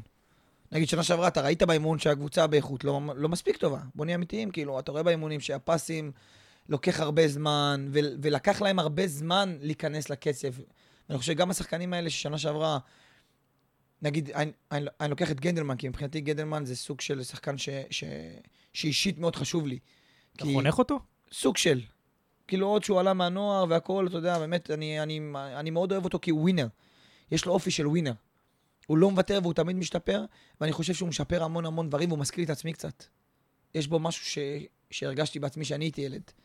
שהוא, שנה שעברה הוא שיחק, הרגיש לי, זה מה שאפילו אני לא שיתפתי אותו, שהוא לפעמים כזה מתחבא, הוא, הוא, הוא, הוא, עדיין, הוא, הוא עדיין מפחד להראות את היכולות שלו, כי גם אני הייתי כזה. כי אתה רוצה להראות, כי קל יותר להגן מאשר להיות עם הכדור. ושאני רואה אותו לאט לאט, ואני ראיתי אותו גם בנבחרת הצעירה, שהוא עשה משחק מדהים נגד הונגריה, ועזוב את הגול, עזוב, בלי הגול, על הכדור, עם הביטחון והכל, באמת הרגשתי סוג של גאווה. ואתה יודע, זה, אתה יודע, שאתה רואה גם את גנדלמן, גם את קרצב, גם את ג'אבר, יש לו את הרעב אבל? אני חושב שיש לו את הרעב, אני חושב שיש לו את זה. את ה killer instinct יש הזה? לו, אני חושב שיש לו. אני חושב שגנדלמן זה שחקן שעוד שנתיים, שלוש, אפילו קצת יותר, יהיה במקומות גבוהים. אני מרגיש את זה עליו. אה, כן, מבנה והכל יש לו. תמיד יש את הדילמה הזאת, איך הוא עם הכדור באמת, כי הוא... לא ראינו את זה עונה לא, שעברה, כמו לא, הוא. עדיין, אני אומר לך שגדלמן עדיין לא מספיק טוב עם הכדור. הוא עדיין לא מספיק טוב, הוא עדיין לא עשה את הקפיצה הזאת. אבל הוא שם בשביל ללמוד, הוא שם בשביל לראות, הוא שם בשביל להתאמן, הוא שם בשביל לבעוט אחרי אימונים. הוא נשאר אחרי כל אימון, בועט כדורים ארוכים בימין, בשמאל. בגלל זה אני בטוח שהוא ישתפר, כי אני רואה את ההשתפרות שהוא עשה משנה שעברה לעונה הזאת. כאילו, בוא נגיד ככה, אם אני לוקח את גלמן, רק, רק, רק, אני עכשיו מפשט אותו. אני שם אותו עם הכדור, משחקן שהוא היה בינוני מינוס מינוס, הוא נהיה שחקן בינוני פלוס פלוס. זה עדיין לא איפה שאני רוצה והוא רוצה להיות, אבל הלמידה שלו היא בהשתפרות כל הזמן. אז אני מאמין בו ש, שבשנה הזאת הוא יעשה עוד קפיצת מדרגה. וכשראיתי אותו בנבחרת הוא היה כבר טוב. אתה מבין? כאילו שאני רואה כן. שחקנים שהם, כאילו, שחקנים שאני מאוד מחזיק מהם, נגיד, כאילו, כמו שאתה אומר לי scouting, אני מאוד אוהב לראות, נגיד, את איתן אזולאי במכבי פתח תקווה, שהוא גרזן והכל, בסופו של דבר, איתן אזולאי מחליף של גנדלמן. אתה מבין? כאילו, שחקנים שאתה אומר לעצמך, בואנה, הם מחליפים של גנדלמן. נכון. כאילו שאנחנו, כאילו שאנחנו גידלנו אותו פה אצלנו. אז לפעמים כאילו אני חושב שגם צריך לתת את ה... את ההערכה לשחקנים שפה מ- מאיתנו. חד? משמעית. כאילו, זה, זה משהו, נגיד, שאותי מרגש. גם, עזוב, אני שם את עצמי בצד, לא שחקן, לא כלום, אני שם אותי בתור אוהד מכבי נתניה. שאני בא ואני רואה את נבחרת ישראל ואני רואה שחקנים של מכבי נתניה, מבחינתי, מבחינתי זה גאווה. שהוא שם את הגול, ישר סימסתי לו, הרגשתי כאילו אני הבקעתי. אני... זו תחושה שברווחת, אין לי ספק, כאילו. יכול להגיד את זה גם שראינו אותך, אתה יודע. תודה. אה, להב ראובני שואל, אה, האם נשקלה האפשרות אה, לחזור לעמדת הקישור, או שאנחנו נראה אותך עונה בתפקיד הבלם? לא נראה לי זה מה שרמונד רמונד חושב או רוצה. אתה יודע, אבל כמו שאמרתי, כדורגל זה דבר כל כך נזיל. אם יצטרכו אותי, אני אשחק קשר, אין לי שום בעיה. מעניין אותך? או שטוב לך? לא, טוב לי, טוב להיות בלם, אני מרגיש שאני, אני מרגיש שאני, שאני באמת משחק ברמה, ברמה טובה. אז ככה ש... ש... אני מאמין, זה רק אם יצטרכו אותי לזה, אז אני אשחק קשר. זה לא מה שנראה לי שרמונד, אבל... זה לא נראה לי מה שרמונד חושב עליו ורוצה, כי מבחינתו. ה- כאילו איך שאני מכיר אותו, אני זה שמניע לו את הקבוצה מאחורה, ומבחינתו זה הדבר הכי חשוב בקבוצה. אני זה שמקבל את הכדור ראשון, אז הוא מעדיף שאני אקבל את הכדור ראשון, ולא לא לחכות שהכדור יגיע אליי. אה, ליאור דורון שואל, אה, מעניין אותו לשמוע על האישיות של השחקנים ושל אייל בשגרת היום-יום, באימונים. איזה אייל. סגל, אני. אוי, אייל לא, הוא לא ביום-יום אה, נמצא איתנו. אני חושב שחשוב להדגיש את כן, הנקודה הזאת. כאילו כן. אנשים חושבים שאייל הוא מסתובב בדשא מסביב למגרש. מתי רואים את אייל?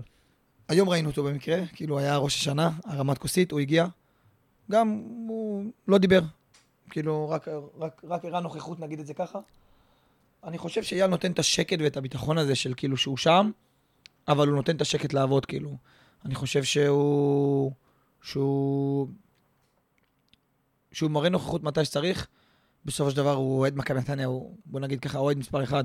כי הוא שם כסף מהכיס. חד משמעית. הבנת? אז, אה, אז אה, אני מאמין שהוא, אין מישהו שרוצה ש, שהקבוצה תצליח יותר, יותר ממנו. ואני חושב ש, שה, שאיך שניב מנהל את המועדון זה משהו שהוא, שהוא ראוי להערצה. זה משהו באמת שאני... אני חושב שיש לו את האופי ואת, ה, ואת הווינריות הזאת ואת, ה, ואת המקצוענות הזאת, כאילו, שאני מדבר איתו על דברים שלי חשובים, שבוא נגיד את האמת, מנכ"לים אחרים הייתי מדבר איתם על זה, היו צוחקים עליהם, הוא ילך, לך פה, לך, מה אתה רוצה מאיתנו? והוא מקשיב וזה, ויום אחרי הוא בא, ביותר טירוף ממני. בלשפר, בלעשות, בלתקן, בליצור פה סוג של, סוג של אימפריה. סוג של משהו שישאר פה לשנים ארוכות, לבנות משהו מהנערים, מהנוער, לתת, לתת לשחקן, שאני מדבר איתו על, על כלים לשחקן, כי מבחינתי זה דבר חשוב. לא, זה לא חשוב השחקן הכי איכותי שאתה מביא. זה שאתה מביא שחקן ברמת איכות טובה והופך אותו למפלצת. ו- וזה מתחיל, כמו שאמרתי לך, באימונים, בדשא הטוב, ב- ב- ב- באיכות של האוכל, בתזונאית הגבוהה שיש לנו, במאמן מנטלי, במאמן כושר, ב- בחדר כושר, שיש בו את כל המתקנים שהשחקנים צריכים, בטיפולים, שלוש פיזיותרפיסטים, טסו איתנו למחנה אימונים שלוש פיזיותרפיסטים, זה לא משהו שהוא, שהוא דבר רגיל. אז אתה מבין, כאילו, כל הדברים האלה, הוא איטי, הוא, אתה יודע, כאילו, בראש, כאילו, אתה יודע, מקצוען, ו... ושומר על המועדון, רואים לבד, ברמה של התנהלות שהיא, שהיא מעוררת הערצה. אני מסכים לגמרי, אני חושב ש... הוא הופך, את, הוא הופך את מכבי נתניה למועדון רווחי, זה משהו שהוא הזוי, כן? עם סגל, עם סגל, בוא נגיד שהסגל כל הזמן משתדרג ומשתפר. כן. אה, אני חושב שהרבה פעמים זה מתפספס. קודם כל, אה, ניב היה פה לאחלה פרק, ממליץ לכולם לשמוע. אני חושב שזה ייתן להם נקודת אה, מבט יותר עמוקה על הבן אדם ומה, ומה היכולות שלו. אני חושב שזה לפעמים מתפספס אצל חלק מהקהל. אני חושב שהבעיה, אולי אם אני שם את הנקודה... אני בקהל, אני יודע ושומע הכל. אז אני אומר, אם אני שם את זה, מתפס, מתפספס הרבה, הנקודה, אני חושב גם. זה אולי התקשורת הזאת. היכולת לשקף את מה שקורה, או מה שאתה מדבר עליו, החוצה. נכון. או שאנשים ידעו להעריך את זה. נכון, אני, אני מסכים בהחלט, כאילו, אנשים... אנשים לא מבינים מה ניב עושה במכבי נתניה. הם לא מבינים, הם כאילו, כאילו, אתה יודע, אני, אני, אני שם כל יום. אני גם בא ראשון, הולך אחרון. הבן אדם fucking מ... סליחה, הבן אדם שם מ-8... פודקאסט מותר. כן. אצלנו מותר הכול. הבן אדם בא מ-8, 9 בבוקר, והולך הביתה ב-6, 7 בערב. זה משהו שהוא הזוי, הוא, הוא נונסטופ עבודה במיליון ואחד מובנים. זה לא סתם ששנה שעברה הייתה התנהלות כלכלית ומקצועית כזאת, זה לא סתם שהעונה הזאת, יש לנו שתי שחקנים על כל עמדה שהם שחקנים שרצינו, שחקנים איכותיים, טאלנטים, ש, שאתה רואה שהם, שהם, שהם, יש להם פוטנציאל, שאתה רוצה לראות אותם, כמו שאמרתי לי על ברקוביץ', שאתה רוצה לראות אותם. אז אני חושב שבסופו של דבר אה, זה, כאילו, זה עבודה שלו. אתה מבין? כאילו, ואני חושב שזה מתפקסס, כאילו, כל הזמן מחפשים אנשים אחרים שההוא והוא והוא. הוא גורם לזה שהמשכורות של השחקנים בזמן. שמשהו גם לא צריך לקחת את זה מובן מאליו. כאילו, אתה יודע, הכל תוקתק פה ברמות כאילו שהם, שהם לפריטי פרטים, שהם... אני לא יודע איך להסביר את זה, כאילו, בדברים הכי קטנים, כאילו, בניקיון, כאילו, אתה יודע, הכל שם מתקתק. תשמע, ראית, ראית מערכות יותר... אה, זהו, ראית מערכות יותר מוצלחות ממכבי נתניה, לכאורה, אתה יודע, או יותר מקצועניות. הייתי בהפועל תל אביב, וזה לא 10% ממה שיש פה. מהכל, כאילו, אתה מבין? ההתנהלות כולו, באמת, היא פה ברמה שהיא...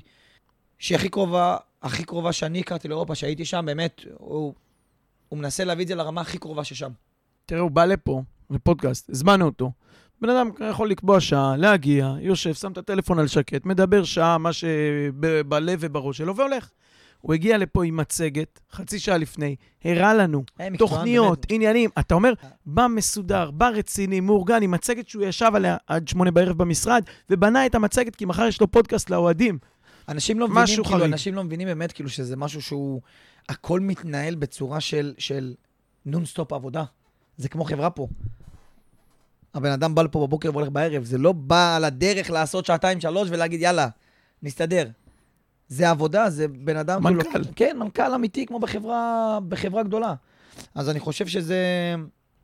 שזה ייאמר לזכותו, אני חושב ש... בוא נגיד ככה, שכל השחקנים שפה מעריצים אותו, דבר עם כל שחקן שפה, כולם יגידו לך. שבאמת, כאילו, אתה יודע, הם, הם סוג של מעריצים שלו. הוא שם בכל דבר שצריך אותו, הוא, הוא בכל בקשה ש, שאנחנו רוצים, ישר שם, אתה יודע, רצינו שף, שף למחנה אימונים כדי שהוא יבשל לנו את האוכל. באם, ישר הגיע שף. אתה יודע, כאילו, בהרבה דברים קטנים שקשה... עושה אוכל ביתי, טריפולטאי, מה? אה, אייל פינקלשטיין, אוהד מכבי נתניה שרוף, אוכל מדהים, תותח. אה, מגניב. אני, אני, דרך אגב, מתחבר מאוד לבנייה קדימה. אתה יודע, בוא נגיד, אה, גם אצל יאמר זה היה, אבל מאז היה שנים שכונות. אבל הרצון הזה להשאיר משהו אחריך. זה, זה, זה בדיוק כל הזמן מה שאני אומר, כאילו, הוא רוצה שהוא, שהוא יעזוב פה, אז יהיה פה משהו להמון שנים. הוא כל הזמן אומר לי, אתה תחליף אותי, תחליף אותי. אני לא רוצה להחליף אותו. אני אומר לו את זה גם פה, אני לא רוצה להחליף אותך. זה לא משהו שאני רוצה לעשות. אני רוצה להיות מקצועי בדשא, זהו, נטו. אז, אה, אז זה משהו שכאילו, אתה יודע, הוא, הוא רוצה פה להשאיר משהו שהוא יהיה לשנים, שהוא בנה משהו, הוא בנ... אתה יודע, יש לו אה, קלאסרים ודברים וכאלה דברים שאתה יודע, אני בסופו של דבר, כשאני אפרוש, גם אני צריך ללמוד מה- מה- מהדברים האלה. ואני חושב שאם אני מסתכל, אני חושב שיש לי את החונך הכי טוב שאפשר ל... ל... לפרטים האלה, כמו שאמרת, שהוא בא ומצגות ועניינים, אלה דברים שאני צריך ללמוד בסופו של דבר. כן. ניב המקצועי. מאוד. אה, אז אנחנו מתקרבים אה, לסיומו של הפרק באמת. ברק, אה, נקודות? חייב להגיד שכל מי שישמע, בעיקר צעירים, ילדים שרוצים להיות שחקני כדורגל, שומעים שאלמוג מדבר מההתחלה עד הסוף על העניין הזה של הראש והמנטלי. אמרנו, יש להם פלייסטיישן, אין להם את השכונה עד, נכון? עד שמונה בערב בחוץ, אבל כן יש להם את העניין המנטלי ואת העבודה הזאת, שזה עכשיו יותר בולט במחלקות נוער. אני שיחקתי בנוער, לא, לא היה שום עניין מנטלי. באים, מנצחים, מפסידים, הולכים הביתה. וזה העבודה הקשה והמאמץ וההשקעה, וזה בהרבה מקרים מוכיח את עצמו כהרבה יותר חשוב גם מהמתנה שקיבלת ברגליים. נכון. ו... במיוחד בכדורגל של היום, כן? הכדורגל של היום הוא רק כזה. פעם אני מסכים איתך שההגנה הייתה בהגנה וההתקפה הייתה בהתקפה, אז מי שיש לו הכי כישרון, אתה לא צריך לרוץ הרבה. היום זה לא ככה כבר. בכל מקום בעולם זה עבודה, זה transition to defense, to attack, אה, מנטלית, איך אתה מצליח להביא את עצמך שבוע אחרי שבוע אחרי שבוע. אז זה משהו בדיוק כאילו כמו שאתה אומר. ואם דיברתם על מורשת ועל להשאיר פה משהו, אז זה זה. זה עבודה קשה, זה המקצוענות, זה לא לוותר בקונוס, והקישור שעשית זה בדיוק זה. החצי צעד שאתה מקיף את הקונוס באימון כושר, נכון. זה בדיוק הסנטימטר שיהיה חסר לך במשקוף, לא יעזור בדין. בדיוק, נכון. מסכים בהחלט. אני חושב ש... אה, אתה יודע, תמיד ש... איך זה נראה מהיציע לפחות, או איך שזה, אתה יודע, שאומרים לי אלמוג כהן, אז זה תמיד דוגמה אישית. וזה... וכשמדברים על קפטן, מדברים עליך. בהיבט הזה של אה, להוביל בדוגמה, ואני מסכים עם זה לגמרי, ואני חושב שאם אה, אם הדברים האלה יצליחו לעבור לשחקנים בחדר הלבשה שלנו עכשיו, אם זה הצעירים או אם זה הבוגרים שיסחפו, ואם זה השחקנים, כמו שאתה אומר, בנוער ובנערים, אז אני חושב שמכבי נתניה מסודרת, אה, מסודרת קדימה, לפחות בהיבט הזה. אה, ועל השאר אנחנו סומכים עליך שאת האיכות אתה תביא לנו אה, מאיפה שצריך. אה, אבל כן, אה, אתה יודע, דיברנו תמיד על האופי ודיברנו על ה- איך לייצר פה את המכונות האלה ש- שידעו לקחת את הדברים האלה, זה ככה, זה לא לוותר, זה... זה יום-יום שאתה מעמיד אותם, אתה מעמיד, אני אגיד את זה ככה, אתה מעמיד אותם מול הקיר, ואתה אומר להם, תן בוקס בקיר, תן בוקס בקיר, תן בוקס בקיר, תן בוקס בקיר. יום אחרי יום. שאתה גורם להם, אתה מעמיד אותם באימונים במצבים שהם, שהם לא רגילים להיות. אתה מביא אותם למצב שהגוף עייף, ואתה צריך על העייפות. צריך... זה בדיוק מה שעשינו בגרמניה. כאילו, אני זוכר שבאתי אימון ראשון, לא ידעתי לתת פס בשמאל, פס. ולקחו אותי 30 מטר, פס בשמאל, פס בשמאל, פס בשמאל, פס בשמאל. 300 כדורים, פס בשמאל. ככה אתה משתפר, זה בדיוק מה שאני רוצה בתפקיד הבא שלי, להביא את הנערים ואת הנוער, וגם בקבוצה הבוגרת, שמצב ש... שאנחנו נשפר אינדיבידואל כל שחקן, שבקבוצה הם, הם יראו את זה, ולא לנסות לשפר את הקבוצה כקבוצה. שמה שעושים הרבה בארץ שאני רואה, מנסים לשפר טקטיקות ועניינים והצלחות של קבוצות או נערים, צריך לשפר אינדיבידואל את השחקנים, ואז הם יביאו את האיכות הזה לקבוצה. שאם שחקן אני באתי ואני רואה אותו ואני רואה שאין לו משחק ראש טוב ויש לו רגל שמאל לא טובה, אז אני אשפר אותו במשחק ראש, שמאל, אני אחזק לו את הרגליים, הוא יהיה הרבה יותר חזק, והוא יביא את היכולת הזאת לקבוצה. ואז הוא יוכל לשפר את הקבוצה הרבה יותר מאשר לשפר את כל הקבוצה כולה. נכון? אה, בכל הפעם, נכון? גם מנטלית וגם אה, זה, כמו נכון. שאמרת. גם לשבור את הקיר וגם להשתמש נכון, בטכניקה. בדיוק. שאתה נכון. שובר את הקיר איתה. כי בסופו של דבר, אני, אני מאמין גם, כמו שאמרתי לך, בקבוצתיות, כי שחקן שהוא היום, נגיד בנערים ג', ה-13, 14, 15, הוא צריך לקבל גם את המאמן מנטלי הזה, כי בסופו של דבר, ה-13, 14, 15 הזה, שאני הייתי בנערים ג', יכול להיות קפטן מכבי נתניה, או יכול לצאת לגרמניה, נכון? אתה מבין? אז הוא צריך לקבל את אותם תנאים כמו שכאילו ה-1, 2, 3 שלך עכשיו הוא מקבל.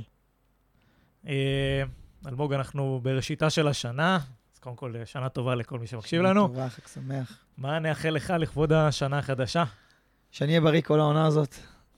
אה, שנעשה, שנעשה לנו, כולנו ביחד, עונה שמחה, כיפית, שיהיה את הרחש הזה, כמו שאמרת, בעיר, ש... שנעשה עונה באמת, כאילו, אתה יודע, שה... שהאוהדים יבואו למגרש וילכו הביתה מאושרים. שזה מבחינתי הדבר הכי חשוב, בשביל זה חזרתי למכבי נתניה. של... שה... כשהקהל יבוא ויגיד, גם כשנפסיד את המשחק, הקהל יבוא וימחא כפיים. מבחינתי זה... זה ה... זה לראות את האהבה של, ה... של הקבוצה. של, ה... של האוהדים לקבוצה, וכמו שאמרת מקודם, שהרחש תמיד יהיה סביב הקבוצה, שתמיד ירצו לחכות לשבת למשחק. זה מה שאני מאחל לנו. יאללה, יש לנו את הסגל, מפה והלאה זה כבר אתם. אה, אז חברים, הגענו באמת לסיומו של הפרק. אני רוצה להגיד uh, תודה לברק גרודמן. תודה רבה, תענוג. תודה לאלמוג כהן. תודה לכם, היה מהנה וכיף. נהנינו מאוד. Uh, תודה לחמי בורדוביץ' כאן על האירוח uh, באביחיל, ותודה לכם על ההאזנה בבית, ותודה לטוטו, הטכנאי, הטכנאי העל שלנו. החזיק עד עכשיו. לגמרי. אז כמו שאמרתי, שתהיה לכולנו שנה מהנה, אני הייתי דניאל יצחקי, והמון בהצלחה למכבי נתניה. שמח, תודה רבה.